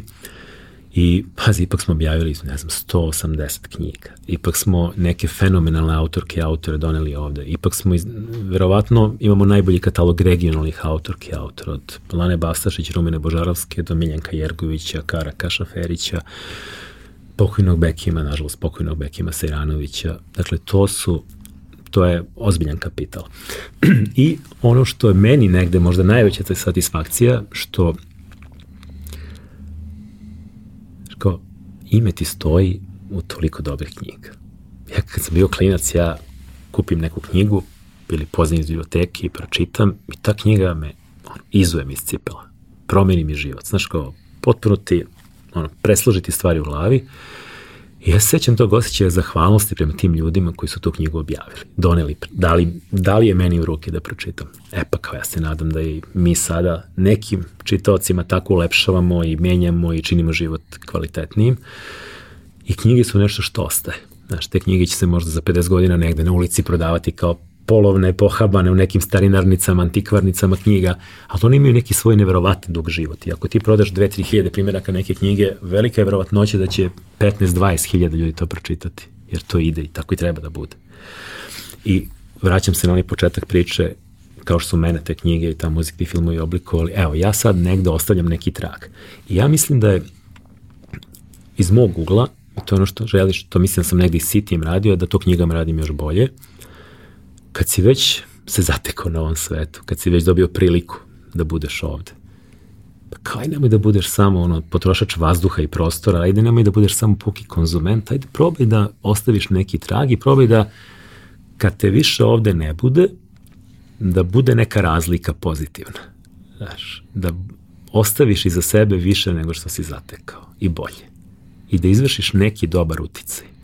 I ja mislim da je to jako bitno, šta kao, koja je tvoja misija, mislim, su teške reči, ali ja mislim da negde ovaj svet menjaju ljudi koji razmišljaju na taj način. Ne mislim da se ja nešto mnogo promenio svet, ja, ali ja sam ono srećan ako sam ga za mrvicu napravio boljim. Svako od nas treba samo da napravi malu promenu. Tako je, znaš, ne, malo je Tesli, malo je takvih likova, znaš, Pupina, da nazovem samo ovdašnje, Milanković i ostale, takvi se rađaju jednom u 50 godina.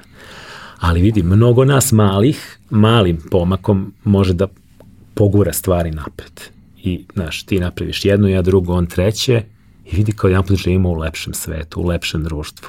Znaš, odjedan put je sadržajniji, odjedan put je bolji izbor, odjedan put ima izvora informacija, zabave, znanja. Dakle, nismo samo tu da ono zadovoljavamo bazične potrebe, valjda postoji nešto više, znaš, ono, čemu pišu i filozofija i književnost, pa, znaš, kao, čemu poezija koje nećemo čitati. Dakle, i meni je drago što sam to negde izgurao i drago mi je što smo ovaj, i sa tim, sa tom bukom kao nekim porodičnim projektom to uspeli i nekako znaš kao, sutra će možda moji deci neko da kaže jao, pa tvoji roditelji su buku pa to je super izdavačka kuća, pa imamo 50 knjiga kod kuće, pa će oni biti ponosni. Pa kad su tvoje deca ponosne na tebe, to je, znaš, velika, velika stvar. Tako da, eto, sad, sad je neka, neki moment kad mi se čini da ovaj, treba videti šta nas čeka. Knjiga jeste ono, delovalo da je da je možda vreme prolazi, ali se ispostavilo da je malo žilavija jer je zadržala taj neki fizički moment koji ne može dobiješ na ono elektronskim knjigama. Elektronske knjige su informacija, štampane knjige su zadovoljstvo. Imali smo sreću da digitalizacija nije pojela knjige kao što recimo pojela muzičku industriju. Ok, sad se ona kroz ploče malo vratila, taj opet, opet je bitan taj fizički moment. Opet je taj fetiš posjedovanja ploče, vađenja, stavljena na gramofon. Dakle, to ima nešto. Kao što ima nešto kad se legne ili sedne u fotelju, uzme knjiga koja miriše na papir i čita. I to su ti momenti bez distrakcija, znači neko vreme za nas. I mislim da je to jako bitno da se sačuva. I na kraju, naš taj uspon elektronskih knjiga se vratio i pao i na kraju je to i u nekoj Americi 15%. Ja premislim da su audio knjige veća budućnost nego elektronske knjige, jer ako rastu podcasti, znači da postoji potreba za slušanje. Dakle, postoji potreba da možemo da, da konzumiramo određene sadržaje dok radimo nešto drugo, dok vozimo kola, idemo vamo, šetamo se, trčimo. I ja mislim da, da, da tu leži veća budućnost, ali da će ipak osnova knjiga biti u papirnatom obliku još do, dobar, dobar period, ovaj, dobar niz godina pred nama, što me raduje, jer e, gubitak tog fizičkog aspekta je negde meni malo i početak dehumanizacije. I ima koliko ta digitalizacija bila dobra stvar za masu stvari, mislim da negde pravi haos i pravi preveliku količinu i da sve postaje podjednako bitno, a samim tim i nebitno. Bezvredno. Bezvredno. Ne ceniš ono što ne možeš da opipaš. Ma koliko to zaista imalo sebi kvalitet. Tako da, negde mi je drago što se pokazalo da je ova industrija otporna, drago mi je što se pokazalo da u Srbiji ima publike za knjige i za kvalitetne knjige, evo mi smo dokaz toga, i negde bih rekao da nam predstoji još neki niz godina tokom kojih će ovde tržište funkcionisati dobro. Šta će biti kasnije, vidi. Znaš, niko nema predvidi ni koronu, ni rat, a kamoli dalje. Problemi su tu, pazi, hartija poskupljuje, knjige će biti skuplje, to je činjenica, zato što svi mi sad štampu plaćamo 50% više nego pre godinu dana. To su veliki problemi, to će ne krajnji korisnik da oseti i vjerojatno ćemo deo publike izgubiti. Ali ja se onda vraćam na to, hajde onda da i ovi koji kupuju knjigu znaju zašto da kupuju. Hajde da dobiju kvalitet, hajde da dobiju lepo spakovan proizvod sa dobrim prevodom, lekturom, korekturom, prelomom, se, koja se lako i lepo čita i koja daje zaista neki kvalitet, neki sadržaj. Hajde da, da, da ne štampamo svako đubre, možda i to pravac, hajde da štampamo nešto što je stvarno dobro i što ostaje.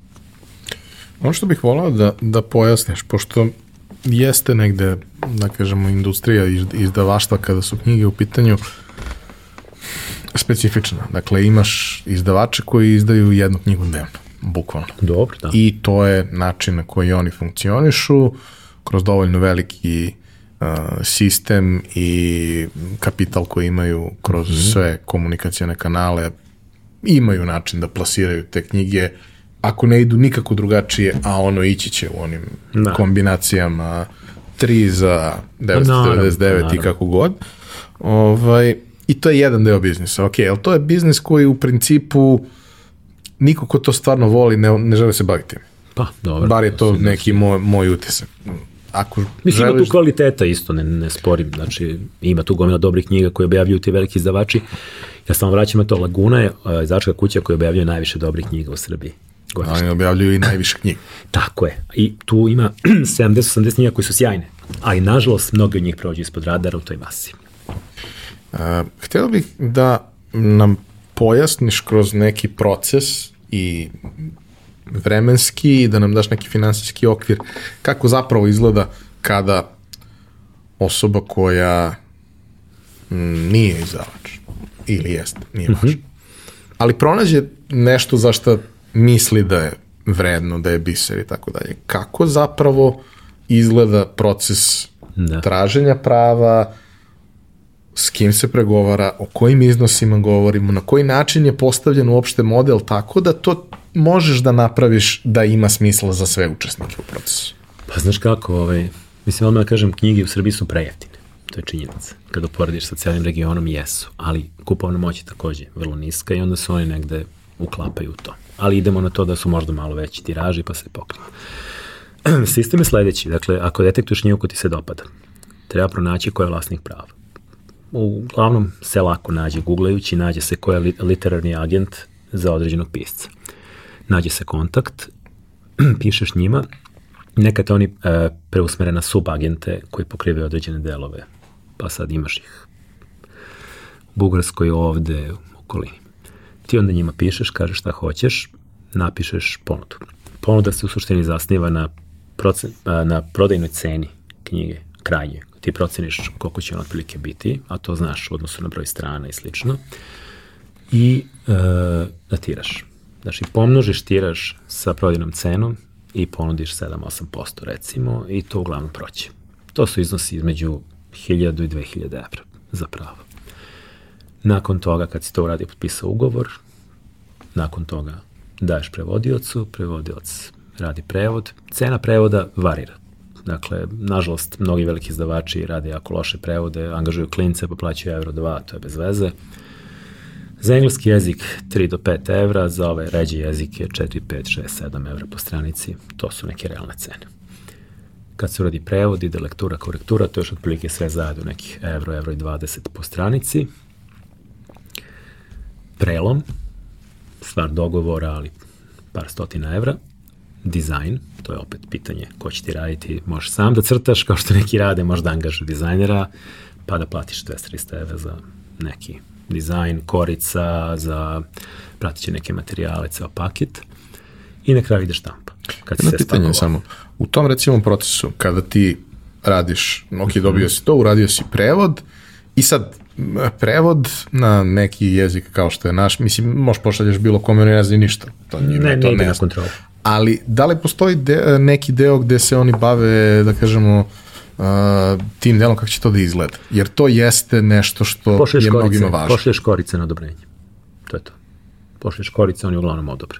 Ima dosta slučajeva u kojima prosto knjige na svim jezicima izgledaju isto. Kupiš gotovu koricu, imaš i to, ali mi to ne radimo. Mi želimo da bude unikatno. Nakon toga štampa, štampa je sad već poskupila, ali da kažem da ćete primjerak, ako štampaš kao mi 2000 primjeraka, koštati između euro i dva, zavisnosti od obima knjige. I ti si tu negde napravio ukupnu cenu, koja za 2000 komada može biti možda oko 6000 evra, recimo. Dakle, ti si napravio knjigu čiji primjerak tebe košta u proizvodnji 3 evra, recimo. E sad, ti je prodaješ nekome. Kako? Kroz lance što ti možeš da formiraš cenu, a moraš ti da formiraš cenu. Dakle, ne formiraju oni, nego ti kao proizvođač i ta cena bi trebalo svuda da bude ista. I da kažeš, ok, sad kad oni meni uzmu pola, a uzet će mi toliko, mora meni da ostane dovoljno da ja ipak zaradim nešto.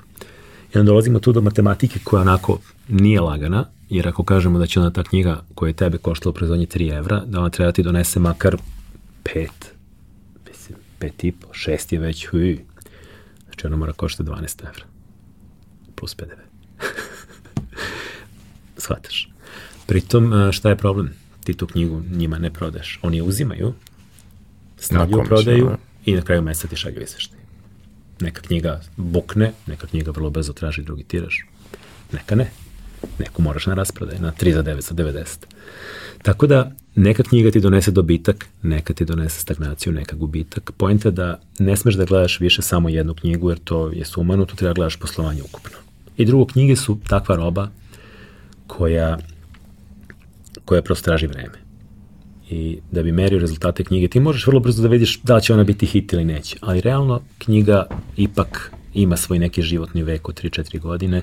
Naravno, ako je uspešna, može se prodaje i 15 godina ali ti si uzeo prava na 4 ili 5 godina. Dakle, moraš da daš nekoliko godina i ona tebi donosi pare i kasnije. I kad više nije hit i kada Znaš, divno je što u stvari ti ozbiljno počneš da živiš od izdavaštva kad si nakupio dovoljno izdanja i kad imaš 50 nekih knjiga koje se prodaju po 30 komada mesečno. To možda zvuči malo, ali 50 puta 30 je 1500. To je već neka ozbiljnija lova. Tako da, uh, ta perspektiva je malo drugačija od nekih drugih poslova. Znaš, ti ovih što izbace film, oni u prvom vikendu uzmu pola para. Mi ne. Mi, mi možda u prvih šest meseci uzmemo pola para, pa onda ostatak. Tako da, to je jedan ono long proces, ima ono long tail i tu ono moraš da budeš strpljiv i moraš da gradiš tu publiku, moraš da izbacuješ knjige, moraš da, da radiš na tome ozbiljno i onda publika dolazi, dolaze novi kupci, dolaze novi čitaoci, dolaze novi čitaoci koji onda počinju da kupuju te tvoje starije izdanje. I to je onda jedan ovako biznis koji se ozbiljno zakutrljao. Tako da on ima jedan potpuno drugačiju poslovnu logiku od mnogih drugih biznisa.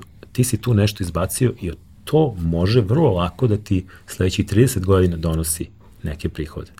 Određene knjige su bukvalno kao da si kupio stan i stavio go rentu. Dakle, kaplje, kaplje, kaplje, kaplje. I...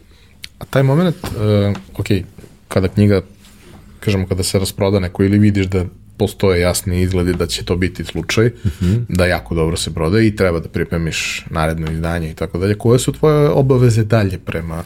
Ti si platio avans za to prvo izdanje. Znači, platio si prava čime si pokrio praktično prvi tiraž.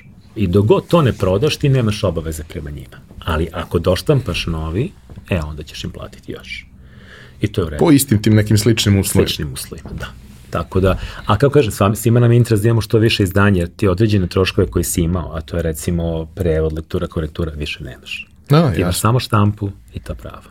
A kakva je priča kada radiš direktno sa piscima? Pa, to, to se radi samo sa regionalnim ovaj, autorima i autorkama i sedneš dogovoriš se i to je to. U suštini to su neki malo bolji uslovi zato što tu nemaš prevoda recimo i onda im daš malo veći procenat. I isto im isplaćujem avans, sve isto radim, dakle gledam e, dosta, dosta izdavača kod nas ume da bude ono nekorektno prema lokalnim piscima i regionalnim i kao pušt, aj sačekaj, čekaj, dođem ti kad prodam ovo ono, mi smo vrlo brzo odlučili da to tretiramo isto i to nam je donelo nešto. Donelo nam je to da se nama sad javljaju regionalni pisci i hoće da pređu kod nas. Zašto? Pa zato što kad potpišemo ugovor dobiju ozbiljan avans odmah i dobiju u primerak izveštaj svake godine koliko je prodato i svoj deo. I to je jedini način na koji može da se radi kako treba. Sve drugo je budalaština. Sve drugo je neka si, sitno ove šićarvićane koje na kraju dovede do toga da ti izgubiš te autore, njihovo poverenje i slično, to je jako bez veze. To su, pritom to su svi ljudi s kojima ti postaneš i prijatelj i, i meni je drago što mi kao izdavačka kuća objavljamo autore koje zaista volimo, a ovi regionalni, to su nam sve prijatelji. To su sve ljudi s kojima volim da sednem, da ručam, da popijem kafu, da se ispričam i koji imaju poverenje u nas i koji znaju da im nećemo zakinuti ni jedan jedini primjerak. I to je jako bitno. To je ono, poverenje je ključna stvar u svakom poslu, čini mi se. E, za sam kraj, hoću još jednu stvar da te pitam, pošto, ok, priča sa Citijem, ona je negde sa biznis strane kada gledaš sada unazad, prilično jednostavno. Ti si da. napravio nešto što ima jako veliku publiku, dobro izgleda, dobar je sadržaj, mm, hteće ljudi da budu prisutni u, u tako nečemu, ovi koji gađaju tu neku vrstu publike ili oni koji gađaju svaku vrstu publike, što da, opet da, ima da. dosta brendova. Jel? Ove, ovaj, međutim, uh, tu si i, i pričao kako je išla neka selekcija ljudi koji su ti pomagali u tom procesu, koji su bili zaposleni, mm -hmm. koji su, da kažemo, srce te, te priče i te firme. Međutim, a, sa bukom ti imaš malo drugačiju situaciju, posebno od onog trenutka kada to postaje da, fi, fizički objekti, knjižare i sve ostalo i na neki način a, ti zapošljavaš ljude na pozicije koje ne postoje. Odnosno, nekad su postoje, ali više ne postoje. Niko nema više knjižara u klasičnom smislu te reči od, od velikih sistema. Postoje pojedinačni ljudi koji drže knjižare koji su posebni i obično po manjim da, gradovima da, imaš da, da, nekog ko je ono svetionik u tom gradu jest, kome jest, se obraćaš. Jest. Ali generalno ti ljudi ne postoje. Pa, kako bi ti rekao, postoje, To je sad jedna mlađa, mlađa ekipa, dakle 95% zaposlenih u našim knjižarama, imamo 20 i nešto zaposlenih. E, njihov profil, ako treba da ti nacrtam, to su e, mladići devojke koji su završili uglavnom filološki, književnost, neki jezik možda, ali vrlo često srpski jezik književnost. E, nisu iz Beograda, jako vole knjige, književnost da čitaju, sve ostalo. Lože se. Lože se, da, lože se. Užasno su fini, užasno su dobro vaspitani, što je inače meni jako bitno kad zapošljavaš nekoga, ključne stvari su da je vredan, pošten i da ima neko kućno vaspitanje. To ne možeš da mu daš ti. Sve ostalo se da naučiti. I nije atomska fizika. Mislim, prosto, ako voliš te knjige, naučit ćeš. I ti ljudi prosto taj posao vole. I taj posao je mnogo lep. Nažalost, taj posao nije sad nešto plaćen, jer prostora za neke velike plate nema, ali gledamo da kroz bonuse, kroz neke olakšice, kroz neke stvari im Radno vreme nije predugačko, uh, odnos prema njima je nešto što je jako bitno, to je da se oni osjećaju dobro tu. Da kad što kad uđeš u knjižaru, kao sad si ti neki vlasnik tu ili takozvani srpski gazda. Znaš, ako se sad tu neko, znači da ne radiš dobar posao, po meni. Ako ti se nasmeše i obraduju se što ste videli, kažu, ej, ćao, kao da si im drugar, to je već dobro. jer oni rade svoj posao i ne treba da stoje mirno kad si ti ušao, oni treba da se osjećaju potpuno normalno kad si ti tu. I uh, ja moram kažem da sam ja gro zaposlenih za Buka Store u stvari našao tako što mi kažemo tražimo čoveka i javi se bar pet ljudi koji rade u Delfiju ili Vulkanu, uglavnom u Delfiju. I Delfi ima recimo izvrsnu školu, dakle oni jako dobro nauče svoj posao, ali je pritisak jako velik. I ti mladi ljudi na kraju ne mogu više da izdrže. Da li budu predugačke smene, da li ima premalo slobodnih dana, da li su očekivanja i targeti previsoki, da li je taj onaj surveillance, znači to posmatranje, preveliki pritisak, sva, svega tu ima, da li odnos prosto malo je, znaš, ti veliki sistemi su malo dehumanizovani i tu više svako je zamenjiv, znaš već kako to vidite. Mislim, jeste, svi jesmo zamenjivi, ali opet to ne znači da ne možemo kao ljudi da funkcionišemo. I onda oni dođu, prijave se, ja pitam zašto si došao ili došla, a on kaže, pa čuo sam da je ovde okej. Okay. Čuo sam da je normalna atmosfera, da ste normalni, fini, da nema maltretiranja, da je da može da se radi svoj posao, da nije baš ono drama, jer kao to u stvari mnogo lep posao, nemoj da ga činimo ružnim. Tako da oni u stvari jesu knjižari i oni imaju dosta slobode u svom radu. Ja od početka nisam želao da se mi to nešto mnogo njima mešamo, oni znaju te knjige, oni te knjige vole i oni imaju da ih preporuče. I oni će posložiti. Nama svaka knjižara izgleda malo drugačije, malo drugačiji raspored. Zašto? Pa zato što ti ljudi tu treba taj prostor da organizuju. Ok, znamo da otplike šta treba, ali kako će oni to poređati? Ograničen si kvadraturom uvek. I kvadraturom ali... znaš, ovaj manji, ovaj manji deo ide za poeziju, ovaj veliki ide za beletristiku, ovde ćemo dečije, ali haj sad kako će to da izgleda, šta će da se istakne, koje će knjige da preporučuju. Što ti kao provodiš u izveštajima da neke knjige, uopšte ne bukine čak, nego ne znam, neko drugi izdavača. Ja sećam, u nekom trenutku svaki dan se proda Middlesex, Jeffa Eugenidisa, genijalna knjiga. Deret objavila. I ja kao gledam, gledam, gledam i onda dođem u knjižaru i jedna knjižarka ne radi više kod nas, vidi preporučuje Middlesex. I ja kažem, ti se baš privela to knjigu, ona kaže, genijal, rekao, vidim po izveštajima iz prode. Ali to je super, jer ona stani za te knjige, ubedi da, da, da kupe i ljudi dođu i kažu, čoveče, koja knjiga, imaš još neku ovakvu. Tako da, imaju određenu slobodu zaista da rade kako, kako misle da treba. Ovaj, na kraju krajeva, znaš, ti kao neko ko to vodi, ti gledaš izveštaj o prodaji, tu vidiš da li ima nekih anomalija, ako ide dobro, to je okej. Okay. Ali ključna stvar je da u nekom manjem, zdravijem, humanijem sistemu ti nemaš neke targete koji su suludi. Ne, jer jasno ne, ne, ti je da neće. Naši targeti su formirani vrlo realno, odnosno gledaš koji su ti neki troškovi, gledaš, ali čak i ti troškovi nekad nisu merilo. Neka knjižare prosto su veće trošađije jer imaju već više prostora, pa imaju i kancelariju, pa opa ono, a realno na mestu su koje ne može da ima neki veliki promet. Njima si spustio targete. I oni čak s tim targetima možda čak nisu ni profitabilni ali je ceo sistem profitabilan, to je važnije. A ako bi ti postavio kad će oni biti profitabilni, oni nikad ne bi zaradili bonus, u toj knjižari niko nikad ne bi to da radi. Nego bi se svi lomili da rade u ovoj drugoj. A meni ideja da svi hoće da rade svuda. Mislim da prosto im svuda bude lepo. Sad uspostavili su se ekipe koje gde radi, to je ok, ali mogu da se zamene, sutra neće ništa trpeti. E, mislim da je jako važno da se ne izgubi iz vida da smo svi ljudi i da smo svi tu ravno, da smo mi kolege i da, i da moramo da imamo neki normalan odnos. To što nekome daješ platu, uh, ne znači da ga posjeduješ i ne znači da imaš pravo da ga kinješ, maltretiraš, ponižavaš, šta, to se kod nas jako često dešava. I što sam se takvih priča. Ja gledam da taj posao i ovaj sa Sitijem dok sam ga vodio, vodim tako da, kako kažem, da ne podignem ton nikada, a kamali nešto drugo. Nema potrebe. Ako si zaposlio prave ljude, oni su dovoljno pametni i svesni da ako lepo objasniš neke stvari, to je okej. Okay.